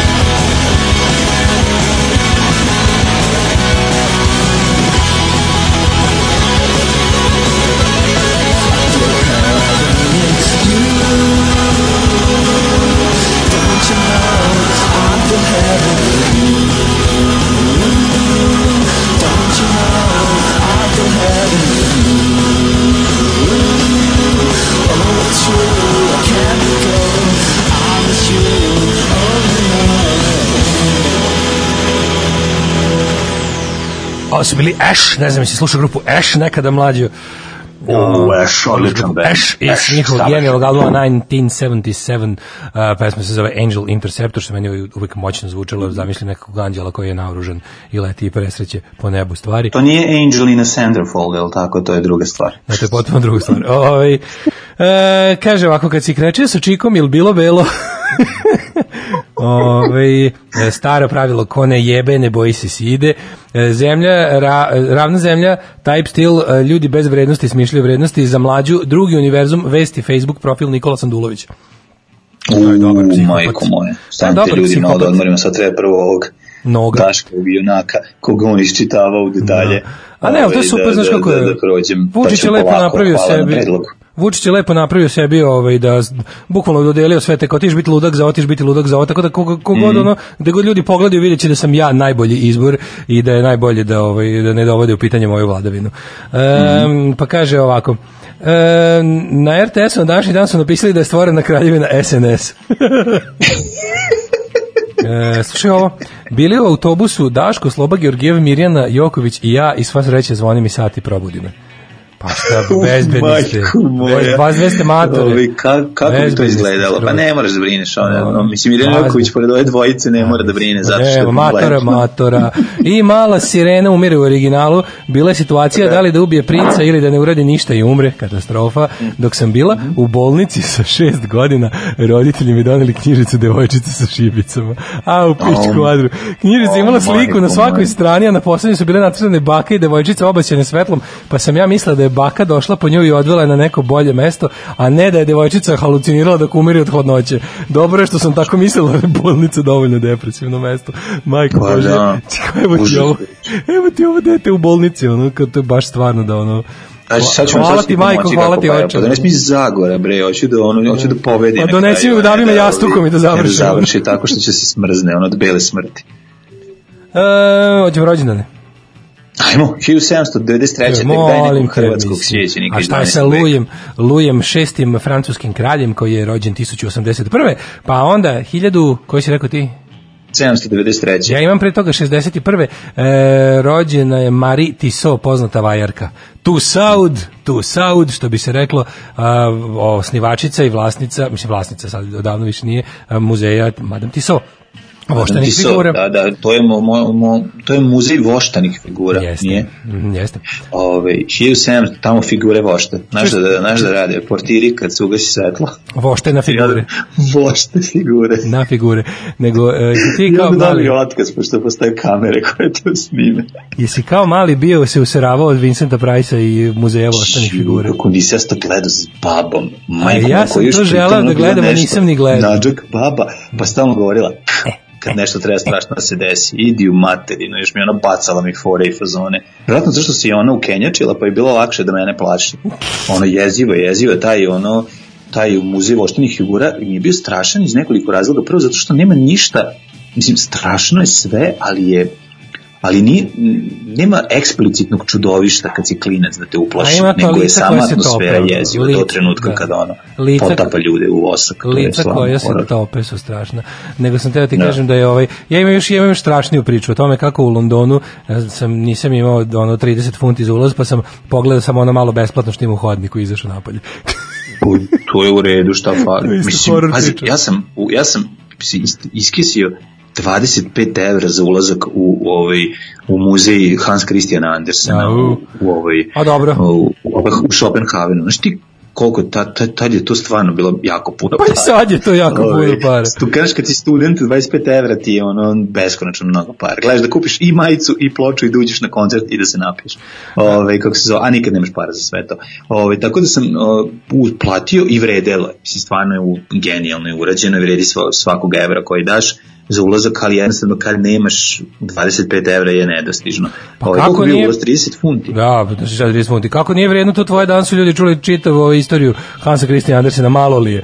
1800. te rođen je Mihalj Fereš Marti, mađarski pesnik i dramaturg, um, ovaj, pa onda, ej, ulica Fereš Marti u Pešti čuvena. 1826. je rođen Sereno Watson, američki botaničar. Uh, 76. je 800. Niko Župančić, političar, etnolog i antropolog. Uh, E, 1896. Georgi Žukov, Da. sovjetski vojskovođa. Uh, Žuk, ja mislim da je buba na, na, na, na ruskom. Uh, maršal, tako, tako bi trebalo da bude Ge, uh, Đorđe Bubić, Georgi Žukov. Uh, sovjetski Bubović. vojskovođa, maršal Sovjetskog savjeza, jedan od najspešnijih komandanata u drugom svetskom ratu. Kažu zli jezici kad je imao ljudstva koliko god hoće, tako da je, da je mogao, inače jeste veliki vojskovođa. A, pa vidi, on je čak bio, kad to što se priča o ljudstvu, on je bio taj koji je sprečavao Staljinove ludosti, tipa gledao da malo da sačuva vojske. Ono. Mhm. Stalin je bio u fazonu, bacit ćemo samo ljude, na to nije problem. 1920. rođen Borivoje Simić, dirigent, kompozitor, e, rukovodilac hora Radio Televizije Beograd, pa je onda Pa, Pavle rođen- Ivić, 1924. Pa, bi, ovaj, filolog, lingvistik i akademik. jeste. E, Jure Pelivan, 1928. je bosansko-hercegovački političar. Pelivan je ono tursko rvanje na ulje, ali tako? Ove, Pelivan, ne znam, ili da, jeste? jeste, to je rvanje, ono ne, nauljeno rvanje tursko. Zato Pelivan što- nije pemikan, u svake Nije, godine nije. pogrešimo to. Nije pemikan. Ove, E, da, da. 1930. rođen Milutin Butković, sve njega volim. Milutin Butković, Odličan. glumac, verovatno najpoznatiji kao Stanislav iz Radovana. Pa jeste, po tome je najpoznatiji, ali ovaj, bi, bi igrao, ne, čekaj, on Proko Burazir Kiš? Nije, ne, ne, Nije, nije, nije. Ili jeste? Ne, ko kaže Proko Burazir Kiš? U Marš na Drinu, mislim da nije on, Prokop Razir Kiša je Meni je nešto, sam, ne mogu se setim lika, Ne mogu da se setim. po glasu bi Ne, rekao ne, da moguće, nije. Ljubiša Bačić ili neko Mislim tako. da je Ljubiša Bačić to. Da, moguće da je Ljubiša Bačić Alimpić A to kaže. jesi, da, ja se da, sećam da, Milutina Vutkovića. Pa dobro, ovaj, u svakom slučaju Milutin Bu- Butković, m, čovjek koji kad se pojavi sve će biti u redu. Tako ima facu. Jo, pa ne znam, ja ga se sećam iz filma Kičma, a, jednog od najjezivijih domaćih filma kada davi onog psa Majko Mila, onog od, od ludosti. On, zašto si mi sad to rekao? Ja se ne sjećam toga. Dobro, sad ću pore pogledati. da E, inače, sećam da čini mi se, čini mi se da će u kinoteci, čim to bude bilo moguće biti neka retrospektiva, u okviru nekog filmskog festivalčića će biti retrospektiva, pa će biti prikazan film Kičma ovaj, Vlatka Gilića, koji je jedan od, verovatno, ono, najzaboravljenijih i najjezivijih domaćih mm filmova. E, Rajko Kuzmanović Da. 1931. pa onda Anton Šoljan, hrvatski književnik 1932. Ej, Ludi Alen Islamović. Woody Allen je 35. godišnji. Da, da, on ima, tri, on ima 85 godina. E, rođen je, on se zove Haywood Allen inače. A zapravo Mhm. je, ovaj, pravo ime mu je Allen Stewart Kenigsberg. Čolamović. Kenning, ovo paziti, ovaj, da, čovjek koji je ovaj, zanimljiva ličnost, ja obožavam njegove filmove, stvarno, nisu, znaš, kao volim sve njegove filmove i sve te budalaštine. Skoro sve, ima par nekoj ovaj, radio. dosadni, ali skoro sve. Baš, ono, Pa 90 je, 90% odličan. volim. Ja i moramo da kažemo da ono zbog filma povem, povampireni Miles i, ovaj, i sve, šta ste, sve što ste hteli da znate o seksu, niste smeli da pitate. Mislim, to je čovjek koji ima ono zaista ulepšo detinstvo i, i, i ono otvorio svet bizarluka. Mali Otvorio je. svet bizarluka. A ulepšao je detinstvo i jednoj korejskoj devojčici dosta ovako. Ovaj. A dobro, to je užas. Mislim, naš, ne znam šta uopšte, naš, ono, ja delim ta dva uh, ludog Alena. Taj, taj ludi Alen koji je to uh, ženio svoju pastorku i mi je onaj što svira ovaj klarinet. Da, da, da, da, da, da, da, da, da. A, ovaj, ono, uopšte ga jeste. daš, tu- znaš da Lepo ima neki razvojio. mali band sa kojim Ima, ima, ima, on ima svoj svir. On, ja to zovem, ja to, ja to zovem jevrijski klarinet, to je ta muzika. E, pa ne, nego on to kad svira i to sve to mi je onako kao, sad ću kad nakon što završim ovu, ovi, kad završim ovu pesmu, idem ono kod svoje netjake da je ono oženi, kod svoje ovi, Kod bre pastorke. šta ono on je bio, prvi, da. on je i tu bio vizionar. Znači to kad on kad je to radio, on nije znao da će to biti da će to biti osnova ovaj celokupne svetske pornografije na besplatnim sajtovima jednog dana. E, da li misliš da je ovaj, on bolesnik stari, ovaj, Pa, kad je kad je išao da usvoji rekao u sebi, a to njegova Ne, žena ne tad verujem, znala, nije, nije. Ova mala nije, će biti nije. avion. Pa nije, mislim, to je kasnije, nije to, nije on sad, ne možeš da da planirao, mislim, ali, ali kad, Pa, ali je to dobro, nije ja izgovor, kažem, mislim. Sad ja ono, To nije ono, izgovor. Nad, eh, nadljudske, kretenske osobine, mislim što možda nije u redu, ali eto sad fa- fantaziramo, pa lupetamo, pa eto, ovi, meni čisto zanima, pošto mi je onako pravi je luđak svaka mu čast. E, ali ovo što, što je uradio mi je ako malo, ne znam, Da li malo znaš ko je isto ovaj godište, ovaj, kao i Woody Allen, isti dan? Ko to? Ivica Šerfezi. Da, ja bi jedan sladoled Dan sa šlagom, šlagom, ako ali može još čaša čaša vode. A i onda bi otišao da se okupam u more, a onda da se vratim na Boraniju. Da, sladak je Ivica Šerfezi sa tom pesmom, Ove, meni uvijek bio simpatičan. A, na današnji dan rođen je Juko koji lik jezivo izgleda a, gospodin Franjo Jurčić, hrvatski glumac koji na ovoj slici koju ja gledam izgleda kao Mustafa Nadarević na samom početku već viđeno kad je mator i sed i ćela u isto vreme. A, Gde je igrao 1900 Franjo Jurčić? Meni nije poznato ime i prezime, verovatno smo ga gledali. kao ovaj, ako Mustafa je bio filmski glumac, sećamo ga se SFRJ 100%. Kao Mustafa Nadarević početka već viđeno, kad je pijanista, Mhm. ono, u onom, kad Bobika Ču, dolazi da ga sredi. ludilo. A, na današnji dan rođen je Ratko Glavina, hrvatski glumac 41. Pa je rođen Bette Midler 45. Pa je rođen Gilbert O'Sullivan, irski kant, autor i pevač. 49. rođen je Pablo Escobar. E, a pe, e, pa, Escobara, 54. Srebrenko Gavirija. Repčić, bosansko-hercegovački futbaler i trener. Ne znam da li znaš Srebrenka. E, Toto Skelači 64. italijanski futbaler, pa je onda rođen Koštinja, to je Koštunica iz ovaj, Portugala, pa je rođen Manuel Štrlek, hrvatski rukomećaš.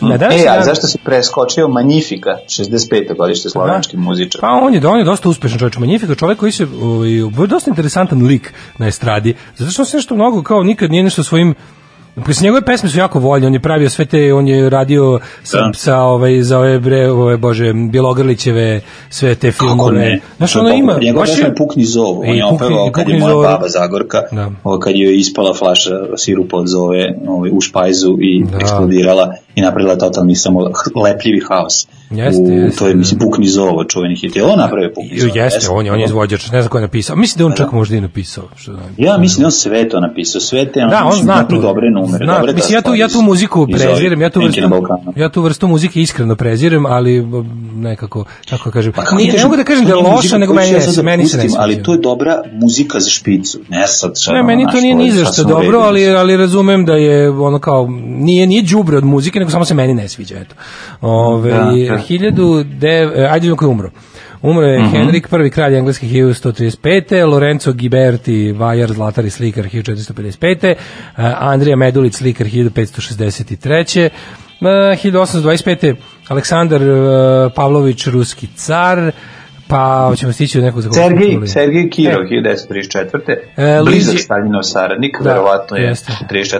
stradao od... od, od, od, odbiva- zna. odbivanja saradnikom. 1936. umro je Luigi Pirandello, pa je E, onda... 47. umro Alistair Crowley. Hvala mu za sve da što je radio smo mi za srpski kupili narod. njegov zamak i živećemo u zamku Alistera Crowleya. E, Hvala mu za sve što je učinio za srpski narod.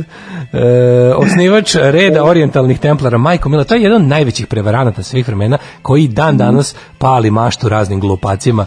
Ovaj, ali ja moram da priznam što god sam čitao Ali ti njemu- kad imaš 15 godina, sa Imam- 20 godina već znaš da je to teški proseration, ali ono, Pa naš, ne da, da ali kažem da se nisam bilo ne- egzotično i zanimljivo kad sam čitao kao klinac. Bože, ti, ne, ti kao te gluposti, znaš da postoji kad pogledaš e, ti, taj njegov, ono, sekta, kako se nazoveš, kult njegov, taj, ono, orijentar, red orijentarnih templara, ovaj neki gnostici, Majko Mila, to, sve, to da je sve postoji, znaš da to sve postoji ovaj, i dan to, to je meni danas. to neka predinternetska priča. Sam ja bio klinac, kao ti znaš da Jimmy Page, ono, e, super, tek sad neću da slušam sad. pa- E, se. 55. umro Ovaj, je- ovaj, 55. umro Vladislav Ribnik. Ti znaš da je Jimmy Page kupio iz Cepelina. Znaš, to je ovaj, tako se zvučilo kad jednom je to prepričavao jedan stari novosađeni rocker. E, 73. umro David Ben Gurion, pa, e, o- Mhm. ovo ćeš voliti. 74. umro je Lajos Zilahi. Zašto je važno lažeš? Ja žijeh i umro kad je pročitao sve što je napisao. Jeste. E, Važan je zato što Da. je u mesnoj zajednici Sremska kamenica e, na jednoj veoma oduženoj ovaj večeri poezije Lajoša Zileh je lokalni alkos ušao sa vukući gajbu piva i rekao molim vas dosta poezije, dajte alkohol. Ne, ne, nije tako. Lokalni alkos koji sede unutra, jer oni su cugali, skontali su da Ove, pošto im je hladno napolju zimi da cugaju, da mogu da se ufuraju kao da su pesnici. Pa da. Ili da ih zanima. I onda je, ovaj, i onda je ustao i rekao dosta poezije, dajte, dajte alkohola. Pa Tako kažem, je. čovek može Ovaj, samo određenu količinu poezije da, i- da izdrži, a neograničenu količinu alkohola. Zanimljivo je da su i oni na kraju, da bi ostali unutra, počeli kao da pišu pesme. Tek je to, ono, znači to kad sam čuo tu, taj deo priče, da su postali pesnici. to je takav poseban- ono, to je ne bili se ugreli. Poseban tretman moment. Ovaj, Ne, to, taj, taj deo mi je baš ono aki kao rizmaki, ono, ne znam kako da objasnim, to mi je baš nekako finski, taj deo mi je čak ono finski alkoholičari su smislili, tako mi Pa, to što- izgleda, ne znam da li taj interijer- mi vuče na finsku. Pa enterijer znamo obojice kako izgleda mesna zajednica Sremska kamenica tamo kod pruge, pa nam je ovaj pa nam je nekako dosta bliz baš jeste Aki kao Rizmaki. Baš je mesto, to je mesto iz kojeg leningradski kauboji kreću. To je to. E, upravo to. Ili dobra ideja za napraviti film o tome. Mislim, zašto da ne kratki Umro je film. 97. Stefan Grappelli, jazz violinista i e, 98. Freddie Young, britanski direktor filmske fotografije. 19. Rakonijadu Kisiljevu nastupaju Vatri iz Kragujevca, Šlajmar Vršac, Crna svadba Novi Sad, Pauci Kisiljevo i još mnogo, mnogo toga.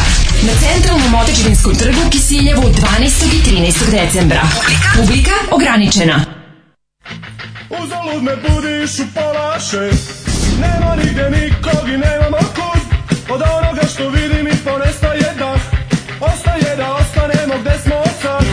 Čini mi se nešto te oduzimat Glasovi mi govore da si to ti Pristajem da pogledam te prvi put. Tražim zbirku podučari činja sad. Reci mi Kenozoik nije za tebe Reci mi Kenozoik nije za tebe, reci mi? Kenozoik nije za tebe, reci mi? Kenozoik nije za tebe? Crvene sam povukao granice Oči su se navikle na finski mrak. Puštam sve da stoji još jedan čas Mislio sam da je dobro biti par. Čini mi se od uvek sam bio glup Glasovi mi govore e takva ne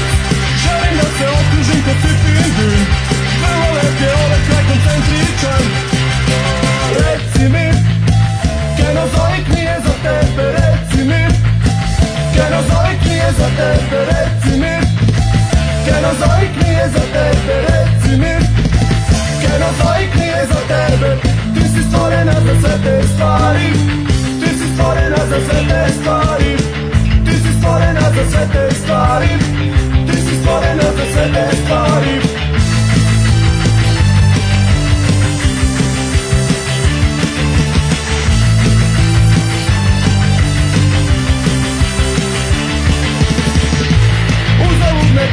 budiš u pola šest Nema nigde nikog i nemamo kud Svetosavska blaga ruka kaže put. Augustovsko plavo sunce uvek smut Čini mi se nešto te oduzima.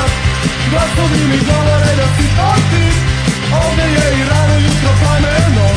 Svaka govorancija pa to je to.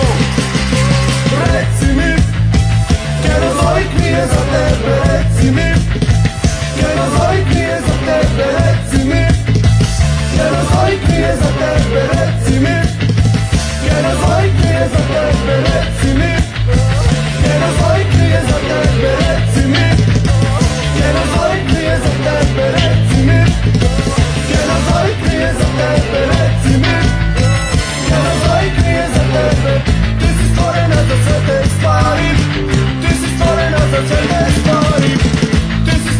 another trip. This is what another. This is. This is.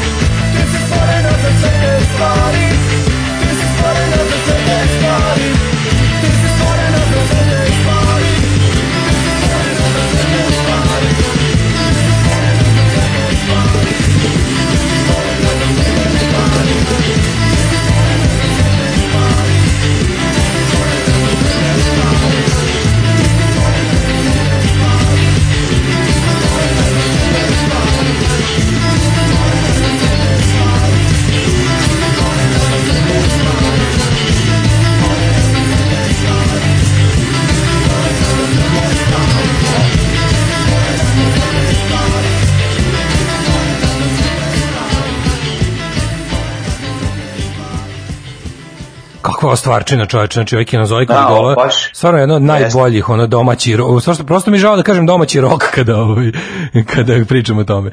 Pa, možeš kažeš domaći New Wave, pa je onda Domaći New Wave, pa da, jeste. A, kaže, u, danas ste posebno mračni Butković koji davi kere mlađinsku poceni ulazak u muzej koji se može meriti sa strašnoćama Andersenovih priča, kaže Sala iz Pančeva. Ove, em, kaže, gde je tvoj kolega Krle sa Twittera, jel Vaskrso jeste napravio novi neki nalog, pa ga stalno tamo trpa i prijavljuju ga. Ljudi, ja sam veliki protivnik reportova. Znači, ja bukvalno ne postoji ništa što bih, osim ako neko baš ne, ne kači stvari koje su direktno kršenje zakona bilo koje zemlje, ali veliki sam protivnik reporta na Twitteru i ja bih sve da na Twitteru postoji i da možemo da ih zajebavamo. Ove, pa kaže ovako, e, kaže, u Kamenici je književno veče organizovao Milan bibliotekar u biblioteci kod mesne kancelarije, ali u donjem delu Kamenice. E, sponsor književne večer je bio mesar sa suvim mesom, on je došao pre ekipe novinarske uletao sa rečenicom dosta je bilo te poezije dajte alkohol, a Milan bibliotekar se u toku večeri na kraju toliko napio da se opoganio u gaće. Ja ne mogu da verujem da ovdje još ima živih svedoka ovog, ovog istorijskog događaja. Pa kako nema, ja se nadam da je to stiglo direktno od naše drugarice Danijele, ove, koja zna izravno šta se dešavalo tamo, a ove, mislim da je u pitanju živ komesar, ako se dobro. I za, jako mi je smiješno što kada njegovo ime kažeš spojeno dobiješ živ komesar, a nije živ komesar, nego živko mesar. Tako je, da, tako je. Živko mesar, Da, mrtvoga koji je ne pravim. živ, Da, da, da. Ove- Inače, dosta, pre, do- dosta zanimljiva ove, živopisna ličnost kamenička, prek čovek, ali nada sve interesantno. A nemoj mi neprekog mesara, mesar mora bude prek. Može li Vuk Drašković da čestita mom ćaći 65. rođendan, ali na engleskom? Ovaj zove se Miroslav, a već sam teo, ne, ide mi na živce to čestitavanje, ali 65. Vuk Drašković na engleskom ne mogu da odolim. Tako da ti moram reći. My friend Miroslav, you are like Evangelj and uh, I congratulate your day of the born. Your Wolf Drašković. E, kaže, nemojte tako da se frdate olako s Vudijem. On nikad nije živeo s pastorkom koja je imala 20 i nešto godina kad su započeli vezu, žive i dan danas zajedno. Pa čekaj, kako sad nikad nije živeo kad žive i dan danas zajedno. Šla, slažem se da je razlika godinama velika, ali ne osuđujte nešto o čemu ste čuli samo iz tablida. Čekaj čovječe, niko nije, pa nik taj Vuk, ovaj Vuk, može Vuk Drašković. Woody Allen nije prekršio ni jedan zakon, to, to se slažemo, on nije ni za šta kriv po zakonu, da je kriv bio bio u zatvoru ili bi odgovarao. Ja, mi smo samo rekli da je, da je to što je on učinio zbog specifičnosti njihovog odnosa, ono staratelj i, i, i izdržavano lice od strane njega, zato je to samo ono što se kaže frowned upon in society, samo smo to rekli, mi mislim da je čovjek nešto Da. kriv, on nije kao da, da li je to moralno ili ne, da li je to društveno prihvatljivo, ovaj većina društva smatra da nije, ali da je prekršio zakon, nije prekršio zakon, tako da to to je i naš stav o tome. Ovaj jednostavno Dobro, mislim, to se radi se o našem ličnom osjećaju, to mom ličnom osjećaju, ne znam kako A ti je neko reče, pričajte- tiče, ali mi je malo mi je ono creepy. E, Eto, ne to si sad rekao zato što si predosjetio poruku koja glasi nastavite sad u Woody Allenu da mlađi ispadne još veći ludak od Daška, a to nije lako. e, kaže, kad se pojavi Miće Tomić, onda je sve u redu, a Budković, boga mi, ne. E, pa kaže, e, čekaj. Gde sve u redu kad se pojavi Mića Tomić, jeste normalni, oni što Pa urezuje. Danilo, što Zavisi gde, crvenu, onu zvezdu petokraku, Ratku Poliču, ono kraj rata, ili kako, nije, kako zove, kraj, kako se zove taj film, osvajanje slobode. Osvajanje slobode, osvajanje slobode. Osva, Eto, to je da. bre, ono, de Miće, ja Miće Tomić posle tog filma, bre, ne mogu da gledam, meni on baš jeziv. Jeziv mi je i u, jeziv mi bre u, u jako puno uloga. Nije mi ono, ono, Butković mi je manje strašan od njega, ali dobro. E, kaže, onaj Hristić, neki bivši kulturaš je u Negotinu u domu kulture misleći da izašao napolje, ispraznio bešiku, ne izašavši i WC promašivši. Eto, tad se dodira, dodirao malo alkoholu. Dodirala se ovaj. to vreme. Daško omiljeni strani izraz frowned upon i volim kada ga objašnjava. Ove, e, ajmo da e, vidimo vreme, može. Može vremenske prilike, kako ne, udri.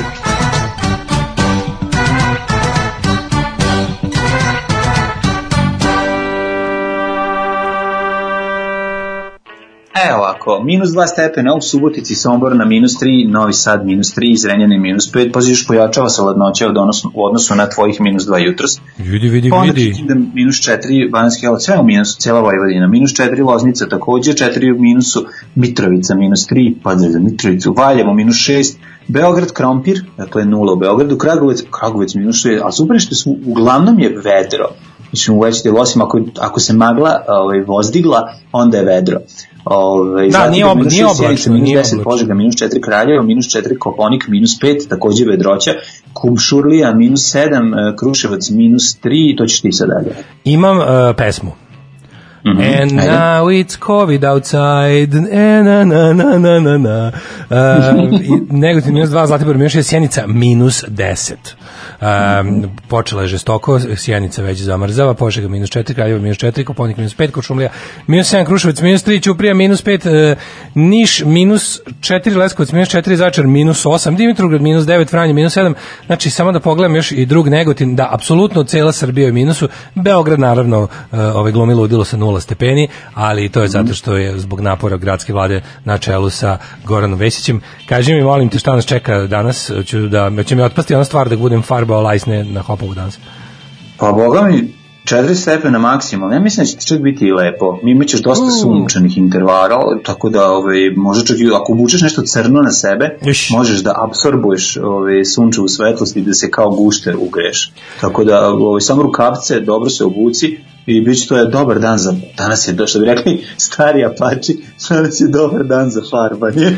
Slušamo Kenija Rodgersa i pesmu Kockar. Ajmo. On a warm summer's evening. On a train bound for nowhere, I met up with a gambler. We were both too tired to sleep, so we took turns staring out the window at the darkness. The boredom overtook us, and he began to speak. He said, Son, I made my life out of reading people's faces knowing what the cards were by the way they held their eyes. So if you don't mind me saying, I can see you're out of aces. For a taste of your whiskey, I'll give you some advice. So I handed him my bottle, and we drank down my last swallow. Then he bummed a cigarette and asked me for a light. And the night got deathly quiet. His face lost all expression. Said, if you're gonna play the game, boy, you gotta learn to play it right. You got to know when to hold up, know when to fold up, know when to walk away, know when to run. You never count your money. When you're sitting at the table, there'll be time enough for counting when the dealing's done. Now every gambler knows the secret to surviving is knowing what to throw away, knowing what to keep. Cause every hand's a winner and every hand's a loser. And the best you can hope for is to die in your sleep. So when he'd finished speaking, he turned back toward the window, crushed out his cigarette, faded off to sleep. Then somewhere in the darkness, the gambler he broke even. But in his final words, I found an ace that I could keep. You got to know when to hold up, know when to fold up, know when to walk away, know when to run. You never count your money. When you're sitting at the table, there'll be time enough for counting. When the dealing's done, you got to know when to hold up, know when to fold up, know when to walk away, know when to run. You never count your money. When you're sitting at the table, there'll be time enough for counting. When the dealing's done, you got to know when to hold up, know when to fold up, know when to walk away, know when to run. You never count your money. When you're sitting at the table, there'll be time enough for counting. When the deal's done.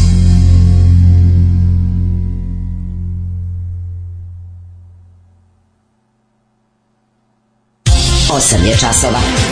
Radio Daško i Mlađa. Prvi program. Tururum, Tanja Pjević E. upozorila na 8 časova. Kaže, ja će mladene. Mm, Evo me, tu sam, tu sam ja, ja sam spreman za ulazak u drugi sat. Koji Samo ulazimo, jako, samo boga mi snažno. u 8.33. Nestaće ga je polako. Kako Kaže- prelazimo tu granicu od pola devet, ali ako imamo zanimljive priče o, za, iz istorije, geografije i rođendane, jednostavno glupo ih je preskočiti. E, kaže, pa ova muzika kao da slušamo običan radio. Pa onda ovako, ovaj, e, kažete da je Mi Woody se i Allen... trudimo da budemo kao običan radio, da nemate osjećaj da ste otišli na internet, ne bili našli zanimljivi sadržaj. Da je Woody Allen prekršio zakon bio bi u zatvoru, a Roman Polanski nam se smeje sa slobode, pa da, da on je zato pobegao iz Medot, ne može da u Ameriku više. Mislim, to je fora, pobegao iz jedne. Da, Pobe, da. pobegao iz zemlje u kojoj je to krivično delo u zemlji u kojoj u tom vremenu to nije bilo, plus nije bilo sporazuma o izručenju. Pa onda ovako, ovaj, šta čita ovaj mlađe Novi Sad 4? Zovite ček Jugoslava, ne idem nigde dok ne bude beogradska temperatura. Uh, Vojvodina je sva u minusu zbog dođeš. pa onda ovako, u što ne volim kad kupim pancerotu, a unutra živo testo. Uh, pa kaže, m, nešto me nervira kad ovako osakaćeno radite, pa odoh u drva. odoh u drva, kako volim taj izraz. Odoh u drva. Drva. Ali da znate da mi je Patreon skinulo ovo za ovaj mesec, sve je u redu. E, ovaj, a da počne danas, da vidiš danas, ovaj, danas ovaj, počinje da Patreon iz vaših džepova preliva u naše. Bog ga blagoslovio. E, kaže, Aj, otad ga oj, zovu... Bog te blagoslovio čaruga. O, otkad, otad ga zovu i Ludi Allen. Kaže, ja što je slatko ovo dete što se čuje kod mlađe. Ovaj, Hvala. Pa, To je Anton. To je Anton iz Party Breakersa. E, kaži ti meni, mladene, jesi ti nešto pogledao neke teme, čime ćemo, čime ćemo da se bavimo danas u drugom satu? Ja sam gledao malo, ovaj, juče sam pokušao da da, se malo da, da malo se odmorim, ali naravno da se mora kao pravi ovaj psihopat na kraju da dobijem svoju dozu. Pa sam gledao šta ima na onako, mislim, prilike, smešno mi je što ovaj dalje u, re- režim u, u, ovaj, u javnost plasira priču o bratu Dragana Đila, znači ne odustaju od toga, to je toliko smešno. Ne odustaju bre i od, od ono napada na, na Seku Savljić, znači prosto ne Pa možeš da veruješ. malo o tome, malo o nečemu što se zove Ne, ne znam, da, ne mogu ajmo da malo, ajmo malo o građansko, ovaj kolegijalnoj da kažem sindikalnoj cehovskoj solidarnosti koja je zakasnela, ali je ipak stigla u nekom obliku, to je dosta dobra tema. Svi- Sviđa mi se to kako oni sada siluju tu temu Gojka Đilasa i, i oni su ponovili, juče opet bilo na Pinku ovaj, a, anketa iz naroda. Pa ne, zašto Gojko Đilas mora, sad to Gojko Đilas mora dovoljno puta da se izgovori da nama postane normalno, to kažem, jer meni to i dalje zvuči kao da sam nešto pogrešno pročitao. Znači, ni ne mogu, mislim, vidi, oni će dovoljno puta ponavljati da to postane novo normalno, da je Gojko Đilas jel da, siva eminencija, jer smo rekli da zapravo kopiraju čitavu priču vezanu za dešavanje oko predsjednika i njegovog brata. Bilo mi je pa smešno isto. izmislili, dosta dobro smislili da e, mi ćemo da napravimo isto tako. Ali ovaj, meni je još jedna jako važna spektakularna vest u današnjem kuriru na sajtu, akcija dinastija, ne znam da li te zanima. Din, tajna operacija američke službe, agent uh, bio krtica, raskrinkao balkanski kartel i onda zadnja rečenica najbolje, Srbi pali u BMW-u. Pa u dobro, čemu je, pasti, dobro je, pa u Kadi. Dobro, nisu pali Srbiju, Da. Srbiju u Kadija su pali, ovo baš mi se sviđa. Pa Ovaj, ne, ne. zamisli kartel koji je pao u zastavi 128. Pa bilo bi Mislim, stvarno majko mnogo. Da. Srbi pali u peglici. mislim, nekako, mislim, u peglici ne može pasti. Ali je fora što, ovaj, to je taj, taj posebni žanr eh, tog žvalovog novinarstva, tako tipa, eh, sve, guranje Srba u naslov po svaku cenu plus taj neki perverzni ponos kada naši budu uhvaćeni u nekom gro, nekoj groznoj stvari u svetu. Znaš, to je, Da, to je pa da. patentirao britanski san sa, sa huliganima. Da je onako najoštrije osuđujemo, a u stvari tekst je da ti se digne priša kad čitaš Da, kako su da, opasni britanski huligani. Ali mislim da je to suština pogrešnog poimanja naše veličine. Znaš, ono, ubacivanje Srba u sve kao ono glavnog ovaj sastojka naravno, kao to je- mirođije je to ta je- greška to koja je se ta- dešava i zato mi imamo taj osjećaj da zapravo da smo mi ono naš kao da se ceo svet vrti oko Srbije i da smo mi to sunce, jel da tog srbocentričnog sistema. Mladen, ja sam juče dotakao dno svog internet života, Mladen Rističević mi je napisao sam nevaspit, nebaspitan, izvinjavam se. Tako A, da ovaj, možemo i malo i to da pomenemo da sam nebaspi, nebaspitan. Rekao mi, napisao mi je, pa kako to jedan, kako to jedan poslanik viđeniji, e, ka može da kaže jednom neotesanom mladiću s interneta, onako krajnje, kako da kažem, kao britanski lord, rekao mi je, puši kurac stoko nebaspitan. Da. A bilo je u žaru borbe, pa nije nabu, nije nabu sva slova. Ove, uglavnom, ove, sad ćemo slušamo Steel Panther i Solution, a onda se vraćamo da, ga, da ga izbistrimo. Može, ajde.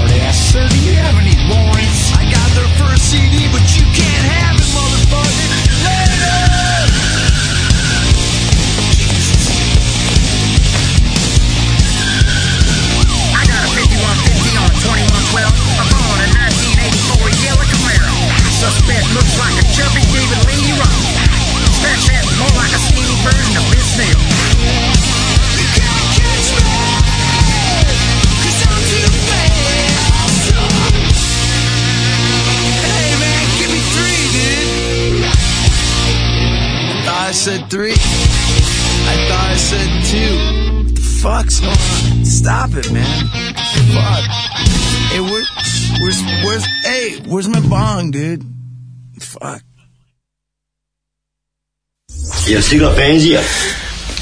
Stigla je. Ne možemo mi od toga živati.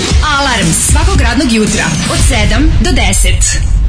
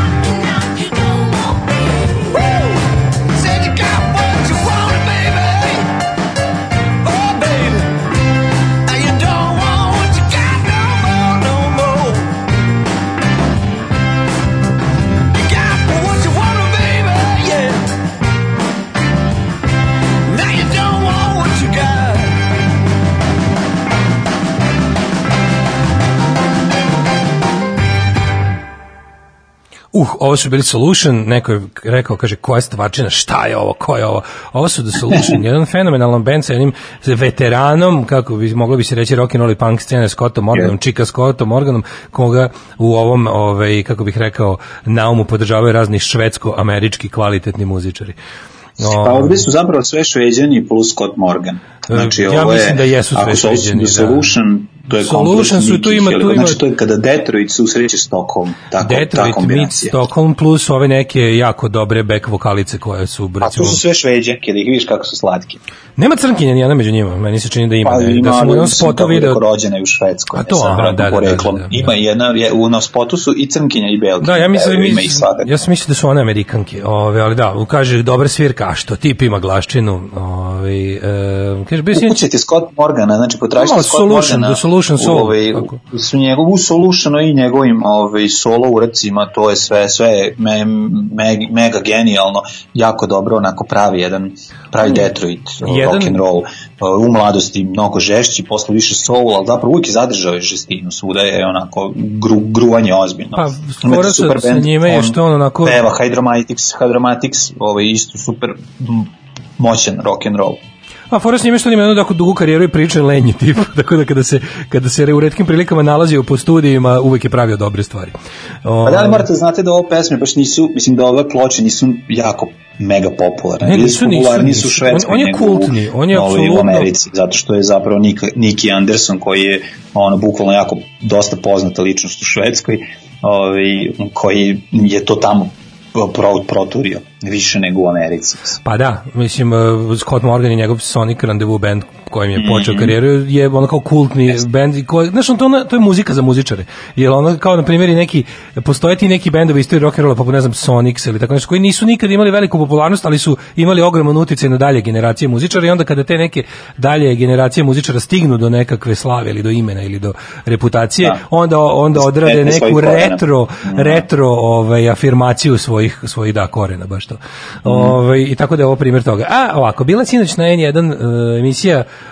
o namenskoj izlučenoj njihovom šefu, koliko besa se u meni probudilo, mislim da Daško ima frazu da bi me samo za misli zatvorili u dogledno vreme. Kad smo kod misli i zatvaranja i, i zatvaranja zbog slobode izražavanja, meni je bilo juče interesantno što sam imao taj mali okršajčić na, na, na ovaj, Twitteru iz kog je druga strana, a to je ovaj, niži dupljar Ma, Marijan Ristićević časno pobegao posle prve razmene ovaj, ovaj, argumenta. Bilo je jako smešno što je jedan, kako se počelo, neki momak iz Crne Gore je, je pisao ovom Varhilju koji je trenutno neki evropski komesar za nešto, ne mogu sedim tačno šta, ovaj, pa nešto u vezi onog diplomatskog skandala, pa je tu ovaj siroti valjkasti crv Marijan Rističević uleteo da da on njemu nešto jebe majke ono šta pun mi vas je. A šta će drugo, kako to ide mislim kao da mamu nešto ovaj napiše ne znam ovaj pitao priču o 918 na šta moj kaže ma nemoj onda a kad ste vi 45 Znaš, kreće ona klasična anticrnogorska priča od koje mi se povraća, ono kao, došli crnogorci ovdje zauzeli nam sva mesta. Znači, ono, crnogorci su kao u, u Vajmarskoj, Nemačkoj jevreji, otprilike kao, znaš, sve oni se drže zajedno i sve su nam ovdje uzeli. Ali u A principu... malo kao- se i lože na to što se drže zajedno, znaš, nemoj to da, zaboraviti. da, da, to kao srpska, srpska tuga što se mi ne držimo zajedno.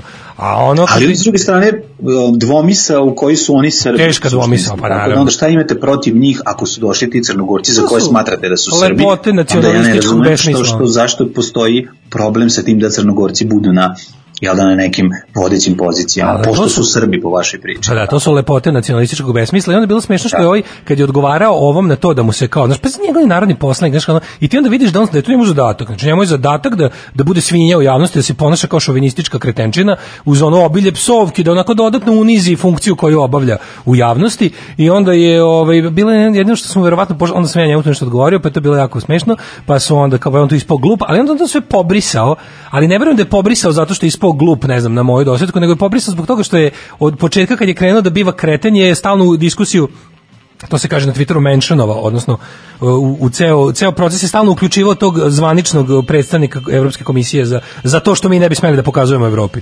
I onda je to bilo jako interesantno, da je mu neko vratno stranke rekao je debilu, spavaćeš van štale noćas, ovaj, ako ne budeš to sredio. I onda je, ovaj, i onda je brže bolje to pobrisao, ali to, mislim, to mi je bilo toliko slatko kako je on, ovaj, kako naš, meni privatno poslao poruku, pazite njega što on ima vremena, što to budala radi. On je meni na to naše javno prepisivanje, ovaj, meni pri, privatno poslao poruku puši kurac, ne, kao nevaspitan si. A dobro, nemaš Zamisli reći, ti neko to ti da napiše. ono. bar malo drago da je on uložio vreme za tebe. Malo mi je zastrašujuće, više, više mi je zastrašujuće nego što mi je drago. Jer taj čovjek je moć u ovoj zemlji, taj ne, kažete, naravno, taj, taj bukvalno, taj čovjek- bodljokožac i glavonožac je, je ono vlast u ovoj zemlji, on može, on je mene, pa mene kad, je, kad sam ja pretposlednji put išao u policiju zbog, eh, zbog slobode govora, on me je drukao.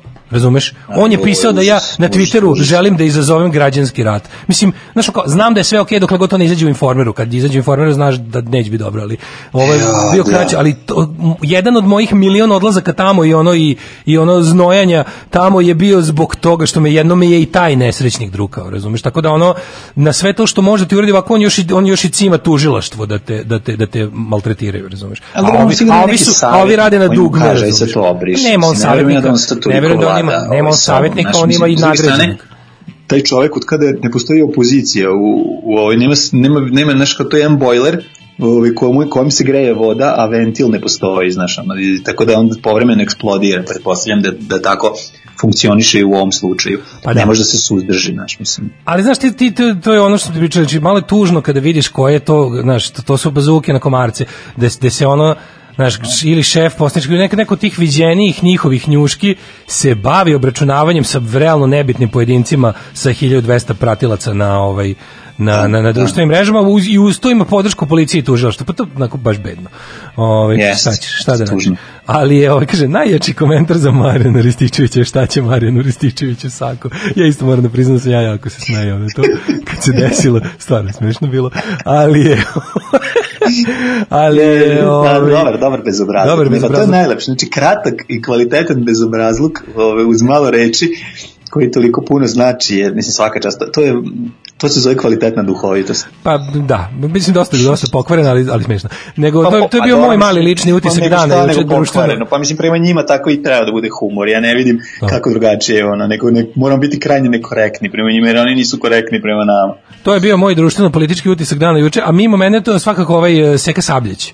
Ovaj Mm, užas, užas. Znači to što, kroz šta, kroz šta sad ona prolazi, mislim, pazi, ja sam imao tu sreću, mislim, imao sam tu čast da upoznam nju i da ovaj, čak eto da se pohvalim i ona odglumi jedan deo ovaj, koji sam ja napisao, to, mi je ono na posebno drago i uživao sam gledajući nju kako ovaj, ženu ovaj, posmatra sebe i dalje i toliko se unosi u, u posao da ga obavi kvalitetno, dobro i uživa, vidiš nju, gledao sam je dok gleda sebe kako je ispala na snimku.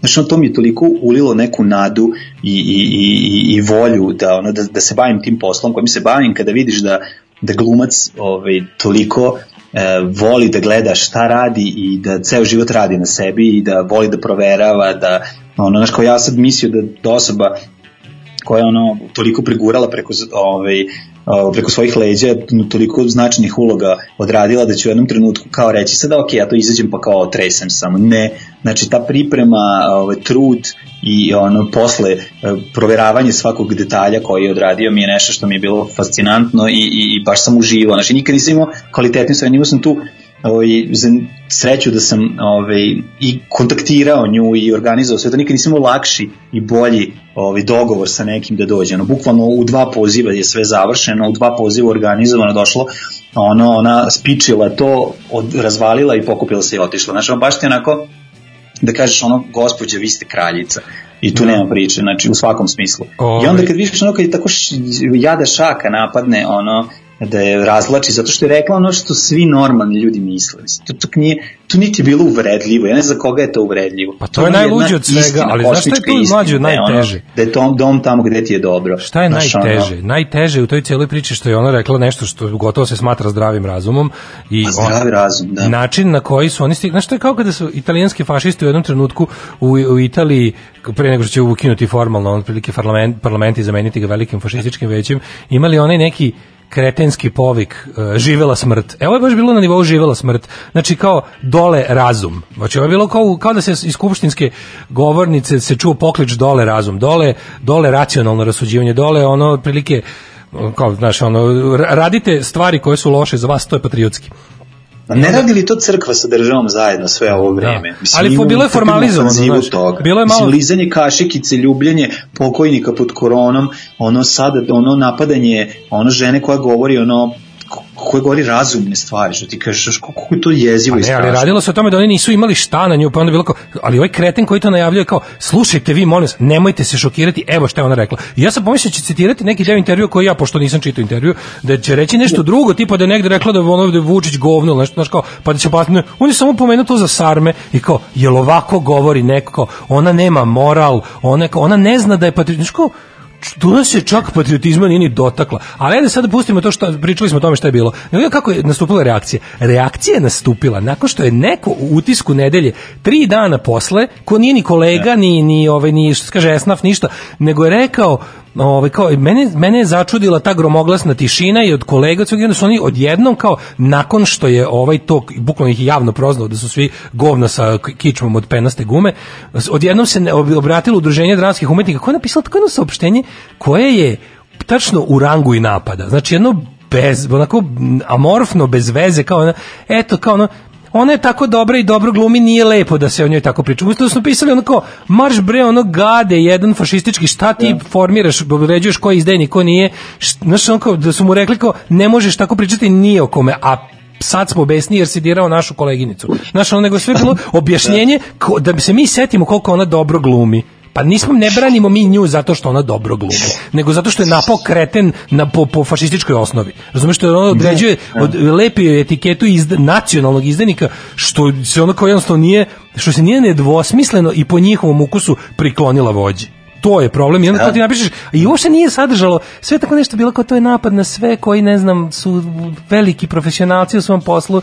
Što tako bilo sve što nj, nj, nj, nj, nj. umesto da je bilo ono kao bukvalno sindikalno saopštenje tipa ono povreda jednog nas boli sve ako direš nju imaš problem sa svima nama sad ćemo ovo pa ćemo ono. A što neko napi, napisao ovaj, u, u ovoj poruci kaže Ovaj, mlaka podrška Seki je zakasnila jer je išla na odobrenje kod Bebe Popovića, ako mene pitate, ne smeju se ugroziti raznorazni projekti autora i potpisnika ove javne podrške. Ja sam prilično ovog stanovišta, da. Jer ono kao, Da, to kako da. sročane, znači ono kao, postoji iz velike svinjarije, taj Atlagić se tu malo zaneo, jer ono kao, Seka Sabljić je ono univerzalno voljena, ono, mislim, 90% ljudi u ovoj zemlji, i čak i nacionalista i tih nema ništa protiv, voli Seku Sabljić. I Zato su je napali, zato su oni odmah i napali. Ne, nisu zato Znači, napali, mislim da je to greška. Varijantu u kojoj smatruju da je neko je procenio da je to ugroženo, a s druge strane, primetio se da to saopštenje je podsjećan malo na, na, na ovu situaciju saopštenja Ministarstva kulture povodom ovo, cepanja izložbe, ovaj, strip izložbe, znaš, ono, to je, to ti ono kao, eto, Nisu, ne, nije eto, se kao, ovdje- nemojte, ne. ali, ovaj, ali da se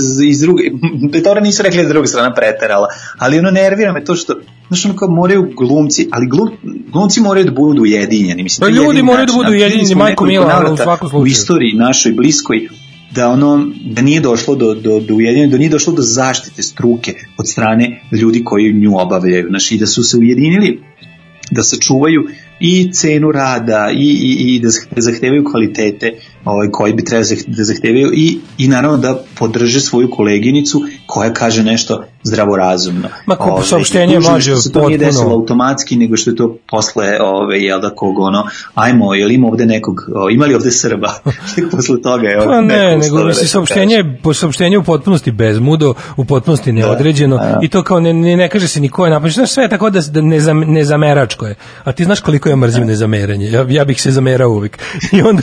dobro, dobro, to ali je fora što, krajnosti, mislim, u svakom slučaju Pa je ne, ali oni su zaslužili, mislim, ti ljudi- poželjnije od ovog, od ovog drugog. ti ljudi zaslužuju za, ti ljudi Da. zaslužuju za jedno večno zameranje s njima dokle god neko znači dokle god neko u potpunosti ne pobedi Pa mislim, mora se zameriti batrgamo, ono- nepravdi. Nemoguće Tako je ne je. zameriti se ono nepravdi. Nemoguće je ne zameriti se fašistima. Ti ćeš se uvek zameriti. Svaki čovjek koji je pravdoljubiv će se zameriti. To je jednostavno Naravno. ili si saučesnik ako ćutiš. Tako je. To je nažalost nema tu nema tu nema nema neutralne pozicije jer ako si neutralan Pa ne. radiš za siledžiju. I ovo je sve bilo znači kao e, ovo je bio deo jednog siledžija. Šta je to bila fora? On je Atlagić je reagovao, ja mislim da on tu delovao priču samostalno. Nije njima trebao sukob sa sa Sekom Savić i sa delom javnosti koji voli Seku Savić, a to je većina Don't javnosti. mess with seka. Da, don't mess with Seka, a to je po jedan, a po dva, on je to uradio, znaš zašto, meni se čini da je to otprilike samo bio jedan onako ovaj teo da teo da nastavi ono što je Vučić radio sa Panićem znaš teo da pokaže kao da imam ja kao ja, sam kao ne mogu baš da nađem doktora sebi da, ga, da, da njega iscipelarim pa ću kao u svojoj istrazi poturica da vidim šta bi recimo pa on je teo da zadovolji vođu samo inicijativno pa, pa je bilo e kao ovo ne i onda je ono bilo kao ok mi ćemo sad spustimo loptu kao i u slučaju sa on, mislim pa ono krizni PR je moral, moral da se moral da se pegla i oni će sad da to da prećute i ovo će da se pusti da da prođe što više ispod žita, ali kažem ti Atlagić reagovao verovatno tako što video kako ovaj cipelari lekara, što je bila jedna od verovatno najodvratnijih pojava u ovaj ono način na koji čovjek izašao e, rekao šta je imao potpuno emotivno, ne sad ono kao što je to bilo emotivno, ne pada ja mnogo na emocije, nego se videlo da je iz njega govori nemoć, znači govori nemoć i onda je, na, na šta je vrhovni ludak nastupio kao pravi pravcijati onaj sadistički školski sileđija. Uvatio je da ga da ga maltretira, bukvalno sve u Panićevom, optužio ga u isto vrijeme i da je otprilike, a ona pičkica tamo što njače, a njače ne zato što je stvarno tužan, nego da bi meni napakostio.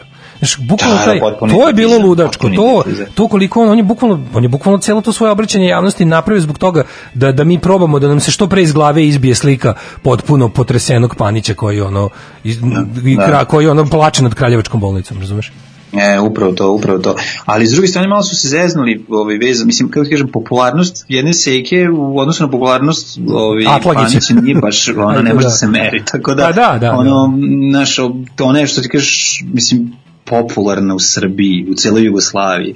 Tako da njene reči imaju težinu i ovaj verovatno su oni zbog toga i odlučili da puste pse, a možda bio i freestyling ovog Bio je, bio je freestyling, bio je, bio je, bio je, bio je. ovaj, da je ono da se opustio pa da je krenuo da, da, da puca, a da pri tome nije razmislio gde puca i šta radi, ali da su da je kontraproduktivno za njih jako je kontraproduktivno, mislim ja naš, ne znam na koji način će se pokušati to da, da ublaže ovaj, pošto je samo Proći će, prvo ga ublažit će kao i ostalo, mislim, desit će se nešto sledeće. Pa znaš, ono, svi ljudi koji su prolazili kroz njihovo toplog zijeca i koji su samo gledali kako drugi prolaze kroz toplog zijeca, znaju da je to oročeno, mislim, da gotovo... Ne, ali znači šta oni rade, znači ono, pretpostavljam da će ono da je odjednom smisla neki projekat u kom će ono dobiti jako puno para, da pokušaju da je tako ovaj, zapuše usta, znaš, mislim, ti znaš kako ovaj pokvareni sistemi funkcionišu. Mislim, ako ne može da te potkupi, onda će da, Da te pusti na tebe DJ Vučićevića sa novinama i ono Alu i različite novine da, da pljuju po tebi ili Pink ili nešto, znaš, to su, to su dve, ono, dva puta koji možeš da ideš. Nema tu puno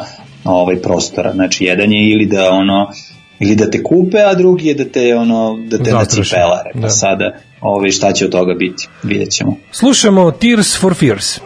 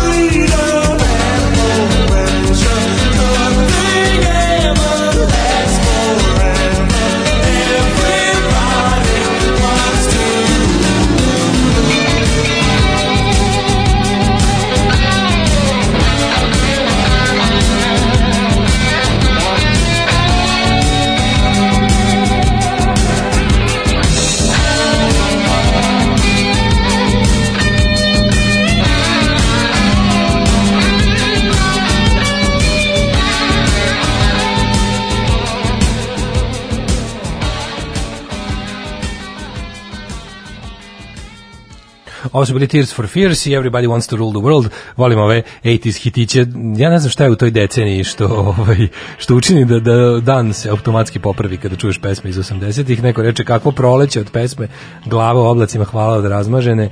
Sinoć slučajno vidim da se na ebayu prodaje fotografija Albine Mali Hočevar za 7 dolara, to je ona partizanka a, sa ožiljkom, da, sa naslova Spartijevog specijala u Jugoslaviji. Mhm. Znao sam da postoji Mhm. tržište nacije memorabilije, ali ohrabruje to što postoji slično tržište za partizanštinu. Tržište za partizanštinu i kako postoji, ja bih ovom priliku da pozdravim mog drugara Goca iz ovaj Zagreba koji će ukoliko ustaše tamo i četnici ovde unište sva sećanja materijalna i zatvore sve muzeje i preprave istoriju kod njega ovaj ćete imati sačuvano sve jer taj čovjek mahnito kupuje sve što ima veze. Ovaj tako da ima ima ovaj što bi se rekao privatne inicijative će sačuvati socijal sećanje na socijalizam. Ovaj em, kaže svi ti radikali mogu da ga duvaju seci. ovaj, ja bi sada jednu kratku, kratku jednu pričicu, ovaj, da li si juče video vest, molim te, meni je to bilo, sećam se da, da sam kao došao nešto da klopam juče i kao gledam, listam vesti, listam Twitter i gledam čemu, o čemu pene ovaj 1244 i ostali debili i, ovaj, i vidim da jedno tri nedelje, tri nedelje nismo čuli o migrantskoj mu- uh, zaveri, najezdi, velikom planu zamene Srba, muslamizifikaciji, silovanju vikendica i ostalo što rade migranti, Ne, već ne. Tri nedelje je bila tišina o tome. Tačno vidiš kako se pojača neka druga muka. Tako, pazi, umesto da umesto da ti ovaj horde muslimanske koje nadiru sa istoka pod firmom e, migracija, ovaj, umesto da udare sad kad nam je najteže da zauzmu čoveče, ono naš kao ja bih re, ja bih rekao da će sad kao kad smo oslabljeni koronama i rošnom situacijom i totalno skenjani, borbeni duh nam je na istorijskom minimumu, pa zašto sad ne udare i ne, ne posiluju nam sve vikendice i ne prevedu nam sve žene u islam? A Ovaj ne samo to, nego i ne zauzmu radna mesta. Pa to je radna mesta, ra- radna, da, zauzmu nam radne žene. Ali je fora što je ovaj i onda sam baš dok sam se to pitao stigne pročitam vest kako su migranti u, prihvatnim centrima organizovali sakupljanje izvinjavam se. Moram malo vode da popim. Evo, dale moj, nemoj završiš ko urke.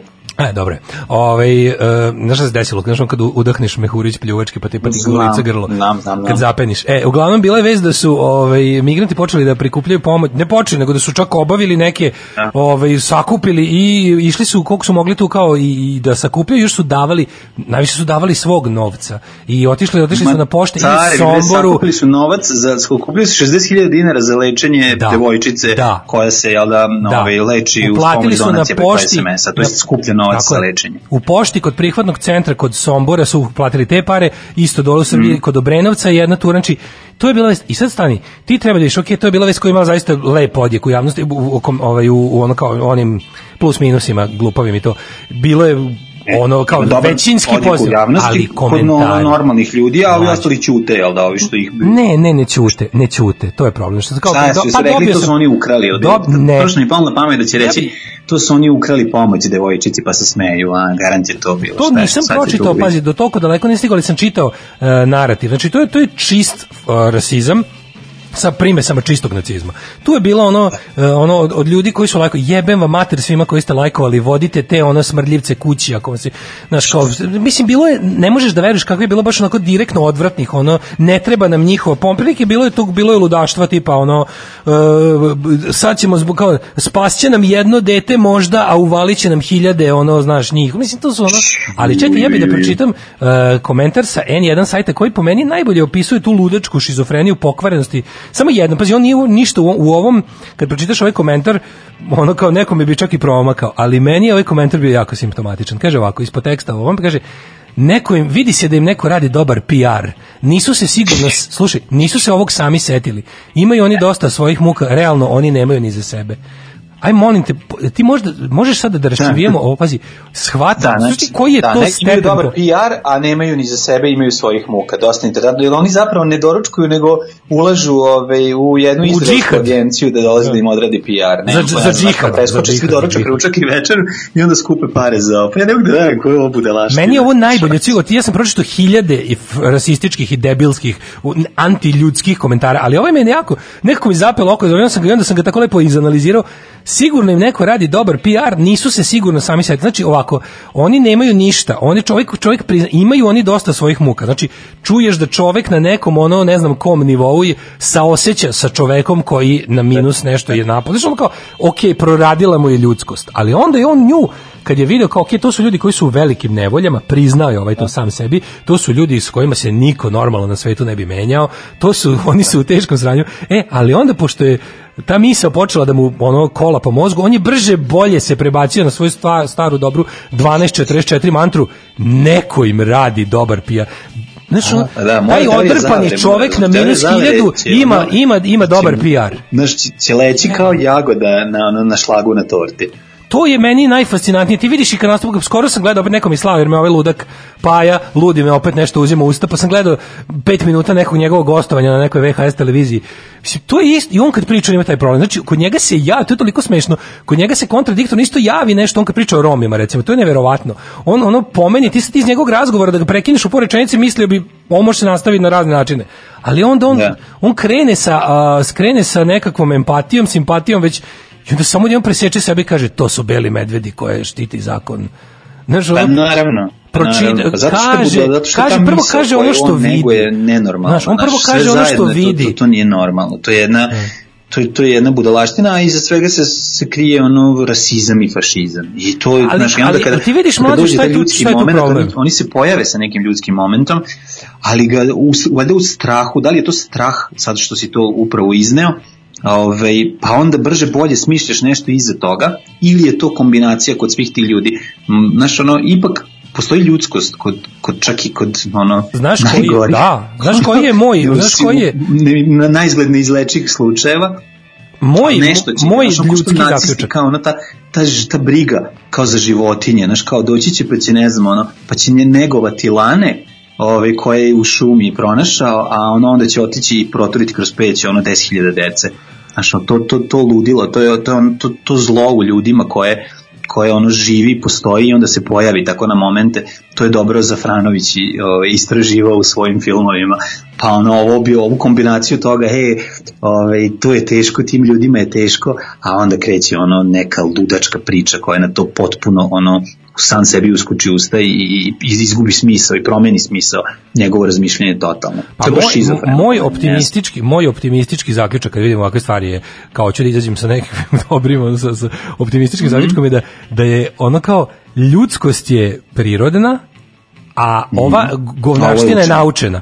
I onda Tako je. čovek, ono gut reaction što kažu englezi, gut reaction mu je da, da mu bude žao čoveka koji izgleda tako kako izgleda i u situaciji u kojoj se našao, ali onda on sam sebe onako naš pomamuza da se vrati na, na svoj govnarski mod, jer ja tako ne smem pokazivati samilost, to je, znaš, kao ja moram se vratiti u svoju matricu i to je, to mi je, ali neki način, opet kao kažem ti, ohrabrujuće mi je što će možda kada u jednom nekom e, momentu čovjek ne bude u stanju da da deluje ovo je sad ono kao potpuno čudno ali kao ukoliko isključi taj uslovno rečeno racio to nije racio to je stečeni racio kao i vrati se na svoj taj ono e, kako da kažem prirodni ovaj settings će možda uraditi i ono što je u redu znaš. Jeste, jeste, apsolutno, apsolutno se slažem tobom i ima, mislim, neko ohrabrujuće ta činjenica, pa, a, znaš, ono, institucije plus kvaliteta obrazovanja plus uređen život, znaš, ono, doveli bi do toga da ti ljudi koji su sada na ovoj strani, ono, uvide, mislim, ti norm, čoveka, čoveka možeš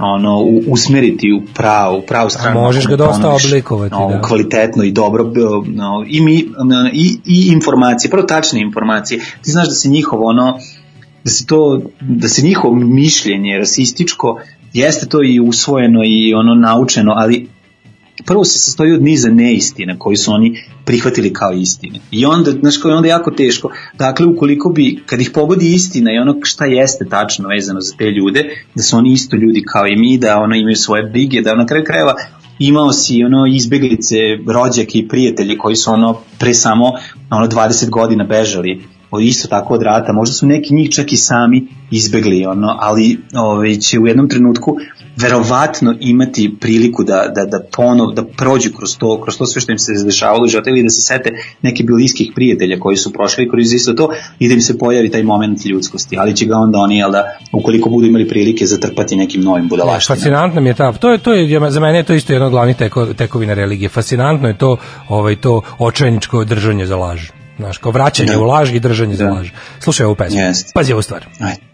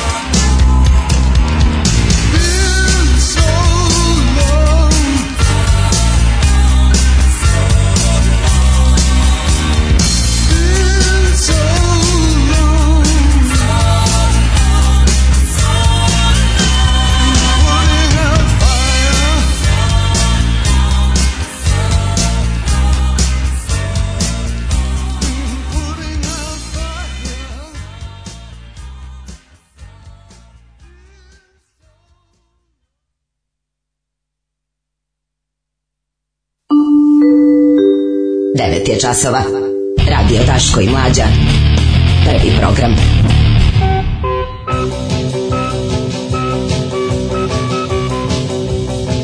Uh, uspeo sam i da se dogovorim sa poštarom iz Post Ekspresa i da, da dođe džingl i da sve uredi. Znači, tako sam me, tačno me nazvao u pravom trenutku. Ove, Pa ti si čovjek hobotnica. Ja sam baš na hobotnici, da me vidiš kako sam smešan ovde. Poruke, ove, tri, tri kompa, dva kabla, udavit ću se ovde. Ove, e, kaže, očekivao sam da ćeš da pustiš Dan, Dani Nedelko od Idolsa, uvek ide dobro za ovu priču. Dobri čovjek mladen veruje da će se smrdljivi fašisti vratiti na fabrička podešavanja. Fabričko podešavanje im je fašizam, a sve drugo im je incident. Žao mi je što mračim, ali ta celokupna istorija i ova nakriva nasađena civilizacija to potvrđuju. Ljudi su po prirodi govna, a ova nežna biljka koju gajite na talasima našeg radija, to je mikromanjina i izumrećemo. Ljudi nisu govna, jer su govna davno bi nestali. Ne. Kako ne razumete? Ljudi u Tako je. principu nisu govna. I ove ljudi su u principu dobri, zato što evolucija to potvrđuje. Evolucija to potvrđuje. Mm. Možete da budete Ayn Rand, a možete da budete Petar Kropotkin. Možete da verujete u socijalni darvinizam, tako a je. možete da verujete u to da zapravo uzajamna pomoć živih bića, pogotovo viših organizama u evolutivnom smislu, ovaj vodi ka ovaj dalje ka evoluciji, da evolucija favorizuje uzajamnu pomoć. Neko tako vidi svet, a neko vidi Tako da je je. evolucija A i jedna organizmi surova- mogu da pomognu Marijanu Rističeviću. Apsolutno. Ja mislim da to naša dužnost. Ja, ja mislim ja kao I, I kid because I love, mislim stvarno kada vidiš kada vidiš ono kada vidiš uh, valjkastog crva ili ili ili tako neko stvorenje, jednostavno ne, ne, ne moraš samo da ga gaziš. E, u E, trećem ti satu kažem, ovaj, imam super najavu za naredni sat, ovaj, što se toga tiče, ne samo da su ljudi dobri u prirodi, nego su i pingvini dobri u prirodi, a i gej pingvini, zato što su gej pingvini drugi put postali roditelji. Jeste. Ovo je vest To su koju isti moramo gej pratiti pingvini, na da. narednom satu, A. jednostavno je toliko dobra. da vidimo koliko će još životinja moći da usvoji ovaj mladunče u gej vezi pre nego što to dozvole ljudima. Idemo da slušamo jednu kišu metaka, može? Može, može, može.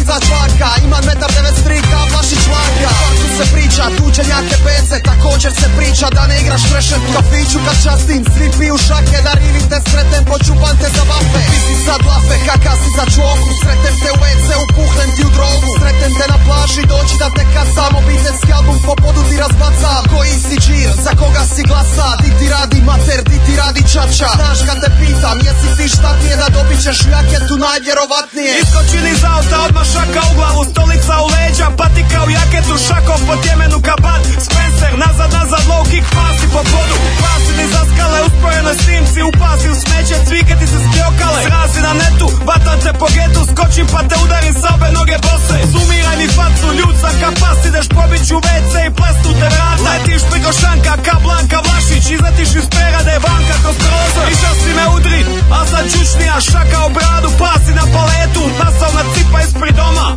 držim ti ruke, rep ti tuđe stomak, Šakom u stomak, nestabilan momak Svaki tvoj korak, pogrešan je korak Ne platiš li sad, platit ćeš odmah moj roundhouse kick. Vodite do groba, ruka na grtlja, palakat u oko. Vivala rasa, šenk ide duboko. Nema nemoj mene, nisam ja neznan Udarim kimoru kao da sam Brock Lesnar. U oči guram prste kao da sam John Jones. Crni Vinnie Jones, prsten Skull and Bones. Čujem voliš govedinu, voliš masu sad Suplex, neck breaker, slomijem ti vrat. Jednom za svak dan navisni ti kičmu. 3-2 aperkat poremeti ti ličnu. Baci poci pameti, puna ti je jaketa. Ubiću te prije nego izgori mi paketa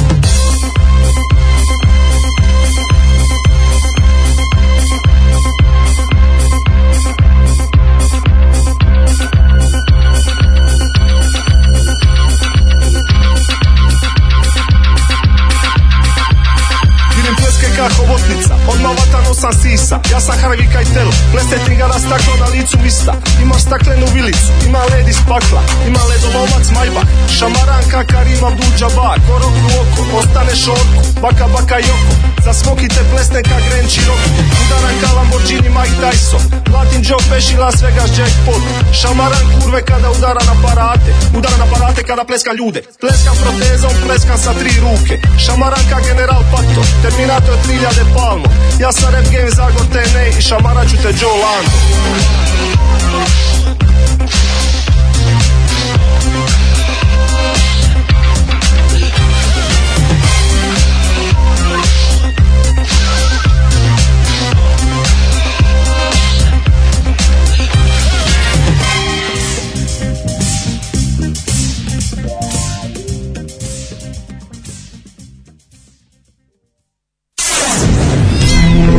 Ismete, zašto nema struje? I on mora svaki put za djetu da nađe neki izgovor, mada struje ima i previše. Alarm svakog radnog jutra od 7 do 10 sa Daškom i Mlađom.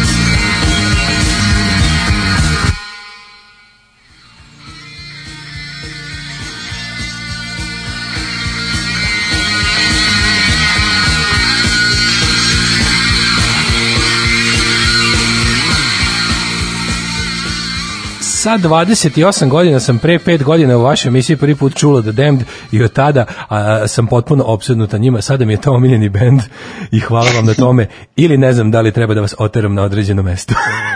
Ne, pa zašto? Pa stvarno, pa to je predivno. Mislim, I stvarno meni je ovo jedna od dražih poruka koji koju smo dobili ono, u ti možeš u. Damned uh, ovaj, diskografiju odabrati albume koji može sluša ono i da sedneš sa Ćaletom i Kevom i da ono koji su baš ono netoleranti prema drekavcima kako ih zovu, ali ono da, da im bude dobro. Znaš, tako ono, mi je nekako ova poruka mi toliko- Možeš, koji, koji, nisu ža, koji su se žanrovski menjali sa smislom, sa stilom, razvijali svoj stil i ono na kraju ga izgradili do potpune pre, prepoznatljivosti da zapravo budu žanr za sebe. Eto, Ali ja bih to mlađo, tako nazvao. Ti kapiraš mlađo da su to je ljudi, to su ljudi u svojim 60 i nekim godinama koji su i dalje veliki carevi, koji, znaš, ono, sad kad sam dobio ovu poruku koja mi je jedno draže koju smo dobili u poslednje vreme, zato što je to meni jedan od tri najbolje benda koje sam u životu čuo, koje potpuno obožavam, jer potvrđuje tu moju Ne, nije, teoriju to su moji Rolling kako- Stones. Ja stvarno kako ljudima govorim band- kao, ove, idem da gledam Stonese. Ljudi, Damned su moji Rolling Stones. Ne znam kako to da vam objasnim. To taj bend u potpunosti zaokuplja maštu uh, fanova i to je to je ono što taj bend ima i što ga čini tako genijalnim. A pre toga smo slušali ovaj kišu metaka, da neko reče kako je kakav je govnarluk kad puhneš nekome u drogu u WC-u, kakva gilipterska pesma. Ovaj e, hoćemo da vidimo braću Lake pingvine. Kako nećemo ovaj, kako se zove, gej pingvini drugi put postali roditelji. Par muških pingvina usvojio odbačeno mladučen pingvina. Tako su drugi put postali roditelji. Pazi, već su jednom bili roditelji, ovaj, ali su Su izveli malog na pravi put. Ove, snage e, pingvinske e, to dete oduzeli. Šalim se, sad ćemo da vidimo. Nakon, e, nakon prosvjeda koji su organizovali. Kaže, naime, još i 2018. su čuvari u akvarijumu Sea Life Sydney uočili da prave gnezdo uoči sezone gnežđenja, znači da se sređuju, budući da ne mogu sami da dobiju mladunče, dali su im odbačeno jaja da provere da li imaju roditeljske sposobnosti.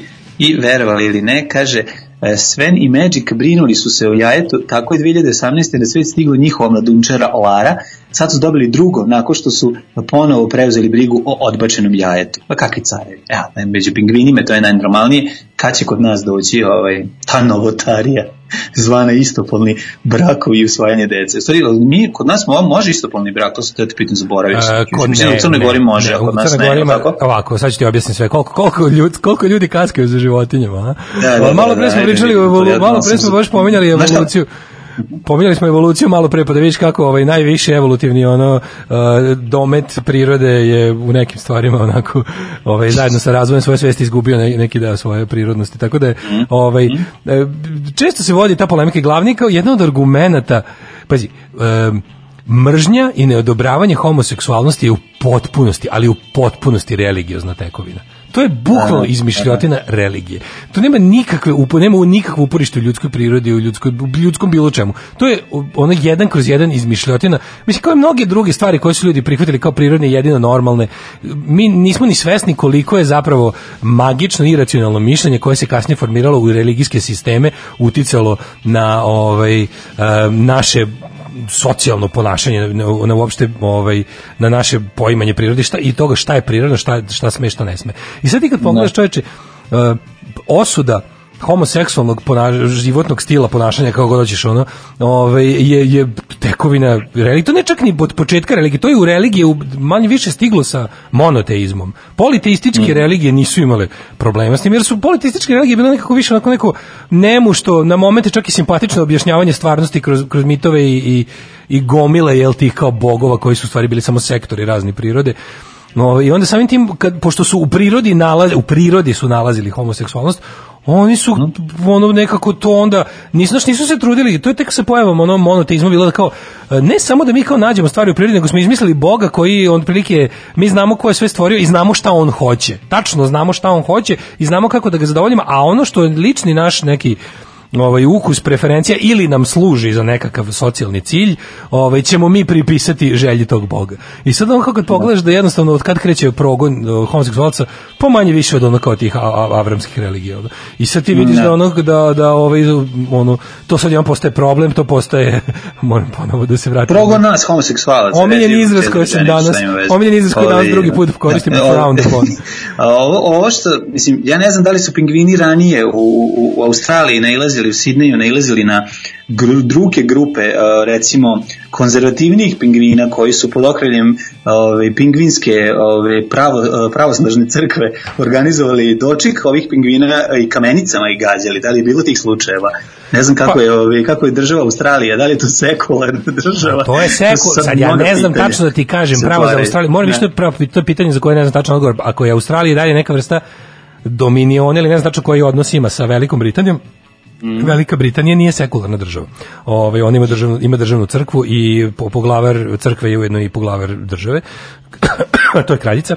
Ovaj ali je interesantno što kada se oni, znači kao stalno se stalno se ovaj jele ovaj desničari religiozni fanatici da bi diskreditovali homoseksualnost govore kako to ne postoji u prirodi. To postoji, znači svaki biolog, zoolog i ostalo kaže, znači ne postoji ni jedna vrsta u prirodi ko- kod koje nije uočeno homoseksualno ponašanje, koje je jednostavno tako, znači postoje kod svih vrsta, kod svih životinja koje imaju seks. Znači kod ne, ove neke koji se ne znam kako na druge načine razmnožavaju, ali kod ovih životinja koje ovaj vode ili što što što su što, ono što kažemo što su ono kao više u evolutivnom smislu imaju što imaju onako seks koji više liči na ljudski, to imaju i, i ove kako da kažem p- seksualne prakse kao i ljudi. Znači bukvalno homoseksualnost Da, postoji. nema životinje Dakle, nema šta koja da to je dokazano van svake. palac, a da ne poželi da je ispadne sapun ove, dok se tušira sa drugom životinjom istog pola. Jednostavno, to je prirodna stvar. Druga stvar, šalu na stranu, a, n- ono što je grozno jeste da isto je neistina, to je kao da deca koje rastu u jo, to je, da. ove, homo, u, u, u, od roditelja, ove, istopolnih roditelja, Da, e, će a, biti kao, ove, će imati problema u razvoju, te, znaš, ono, te sve te gluposti koji, kojih se naslušaš, Pa I, ono, znaš onda ti ko je- hiljadu znaš primjera koja je meni iz omiljena glupost? ljudi, to jest mislim iz drugih država, u koje je to normalno, gde vidiš da su ono, da, da to naravno da to nije tačno i da su to isto predrasude i gluposti koji se mi, ali mi ćemo to slušati ovdje još jako dugo, dogod ove, mislim, čemu mi pričamo, pa mi smo se vratili 10 godina, mi- 50 godina unazad u proteklih 10 godina, bar što Da. se toga tiče. Mi smo došli do Hiljadu- toga da nam se ono, znaš, ono kao da, da, da, da imamo izložbe koje ono pod uticem crkve, ono klinci, mali konzervativni debili dolaze da, da rasturaju. A Pa mi, da. znaš, toliko smo se udaljili od ostatka sveta, znaš, ono, sad kad pričamo o ovim temama, ovo mi zvuči kao naučna fantastika. Pa ne, ali to je super primjer da kada, ako već samo se pozivaš, mislim, znaš, to je ludačko gledanje unazad, kao, ako nema kod oktopoda, ne može ni kod ljudi. Mislim, prvo, to nije nikakav argument i sve da nema nigde u prirodi, a ima, kao što je ono van sumnje svake potvrđeno, ima sve i da nema, kao, zašto ne bi, znaš, kao šta sve nema kod života, pa kod života nema ni azbuke, pa šta treba prestaviti pišemo zbog toga, ono. Kod životinja Da. nema ničega, ono, mislim, što sve i da se, Možda sve i da tačno da nema kod sve životinja, i da je homoseksualnost, vrste, ali ove dobro. sve i da je homoseksualnost nastala bukvalno ono 1972. ono u jednom jednoj kafani u Njujorku, onako ne bi trebalo da ti smeta. A s druge strane meni je taj paradoks najluđi da oni kao stalno pogled- kao znaš kao homos, homoseksualci koji budu imali dete kao od nje kao prvo kao nije prirodno, ako već su takvi, Peder mali, ne ne kao ako su već takvi, ti ćeš najveći, naj, naj, najkretenski narativ je taj kao vidjet ćeš ono ka- kako misliš da odrasta s dva oca kao bit će zbunjen Pa znaš da, bit će zbunjen. Pa biće Prema zbunjen, ti ćeš ga zbuniti, ne dva oca, ono. I još jedna stvar, e, što je jako često, ti znaš da zapravo ono, u, kod običnog čoveka, e, da li veruješ da, da postoji, da sam ja susretao kod nekih ljudi, da zapravo peder i pedofil ovaj, Sinonim. pojam ne razlikuju. Sinonim. Znaš ti ko je to Oni- jezivo? To, je, pa, to se- to prosto, se- šta sad to se da pažljivo neguje. homoseksualci da nam podvode decu? Da. Što rekao, čekajte ljudi, majko moja, ono, pa kako ovo, pa je li toliko moguće, znaš, i to, to, i to sam čuo i od obrazovanih ljudi, znači nije ona samo od, znači ono prosto ne možeš da veruješ no, koliko je to jedna ono totalno zatucen, ali opet je, zasniva se na predrasudama koje treba razbijati, mislim, nema drugog, drugog načina, naravno. znači, to je, to je jednostavno jedna Ali, borba, znaš o čemu se radi, mlađe?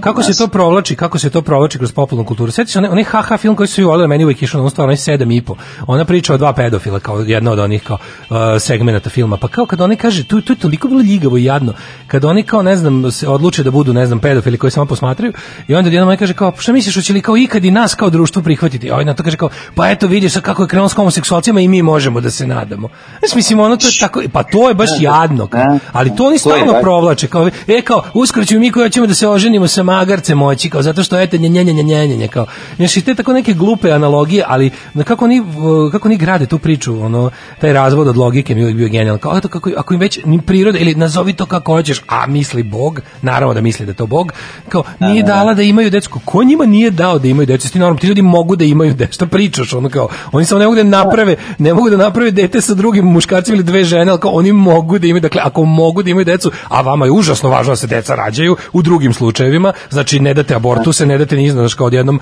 ovde prebacite na drugu stranu, da je ono kao, e, kao ako, ako, ako im već nije dalo, onda ne može, drugo kao, šta će biti, on će postati, ne može postati, znači ne može postati. To da, je, pa to je, ali zbog toga to je osnova problema. Ali kad ti to ne možeš da koji ono- to- je najveći, ono ono. zatrpan predrasudama i budalaštinom o tome, kažeš, neće ti dete postati peder zato Ne što mu može je nastavnik Tvo- peder. tvoje dete Niti je- može da. da ga nauči da postane peder samo zato što gleda njega. e, Mislim, kao, znaš, kao, to, to, ta količina gluposti, zatucanosti je ono koji, na, koja je osnova problema. A ne, kad mu dođeš i kažeš mu ovako- stvarima malo se zbune, znaš, ono, jer onda, ne, da, onda, dođeš mu- onda si ih razoružaš i onda više ne znaš šta da kažu. znaš. Dođeš i kažeš mu onda ovako, vidi, onda krenu tvoje- životinjama, Da. ti koji malo, jel da, kao te, ovaj, više su se spremali za, za sukob tog tipa, ali vrlo brzo ih razoružaš kad im predstaviš činjenice, ne znaju ono više šta da kažu.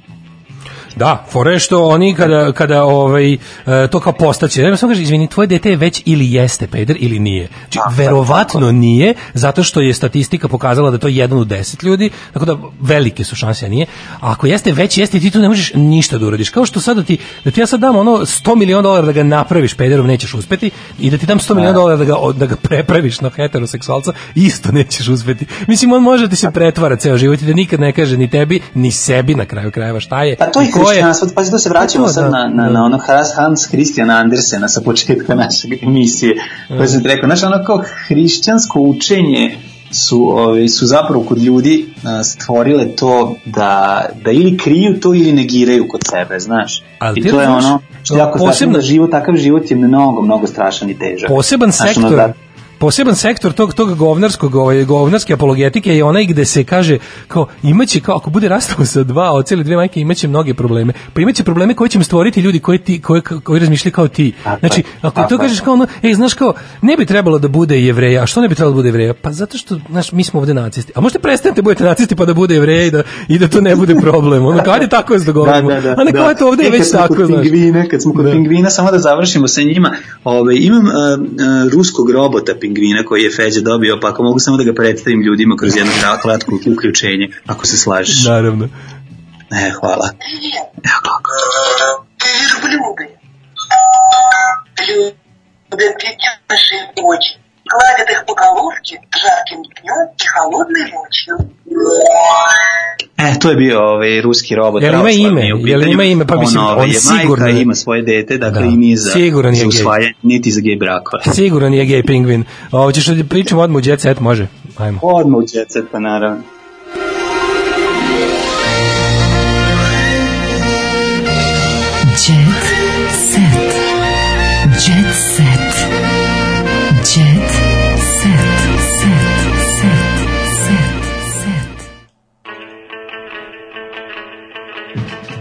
Hoćeš ti prvi. Kako je red? Evo, hoću da vidim šta nam kaže kurir, ovaj, Stars, uvijek me zanimalo ovaj, da li ima nešto novo vezano za Jet Set. Pa ima, evo imamo prilike da vidimo, to bila svadba, čekaj, čekaj, čekaj, čekaj, čekaj.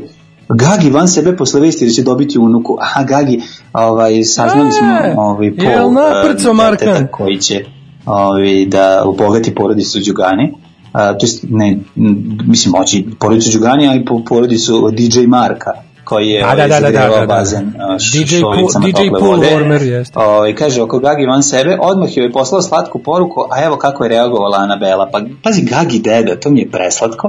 A i ono Anabela baba, mislim, lepo je to, lepo, kaže da su se jako radovali i to su proslavili a, fotografijama u kojima su zajedno zagrljeni. Ima tu i balone, sad ne znam da li je ovo zbog, nakon što ona pobedila, pa su tu fotografiju stavili ili su napravili neko neko ono, kako se to zove, bab, ne, kako se Babine, zove ono, babine. se- kad dolaze, To se zove babine, babine. Prijatelji da po, to babine Pa ili da. je to kasnije? Da, jako je dobro što Mm, pa- ovaj kod ovog Skype-a ovaj e, ti moraš da kad prestaneš da pričaš možeš da moraš da budeš tih još jedan sekund da bi ti ja probio. I ja tako 50 puta kažem babine, babine, babine, ali ja bih ga ne čuo se. Aha, a dobro neću. Nema to veze, radim. nema veze Ja sam tako. išao u dedinim. Da, dedinje, dedinje. Ovaj stiže nam još jedna princeza da nam ulepša živote, rekao je Gagi na svom Instagramu. Car, obožavam. Obožavam ga. Evo, Luna, Pa Đega- a Luna Đegali je proslavila i svoj i rođendan svom psu u isto vreme, tako da je to veliki ljubitelj Mhm. životinja.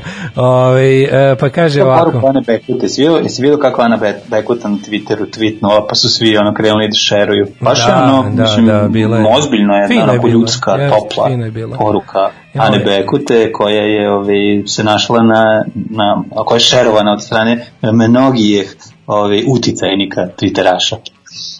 A tvoja prijateljica, ne da pričaš, ona je velika, sve vreme moja velika prijateljica. Doropoja, pratila je svog prijatelja zapada. Ponovo se ponovo se volimo Ana Bekuta i ja, molim vas, mi smo našu ovaj našu Twitter vezu nastavili. Nego ovaj jedna od najtužnijih pojava u svetu uh, reality showa.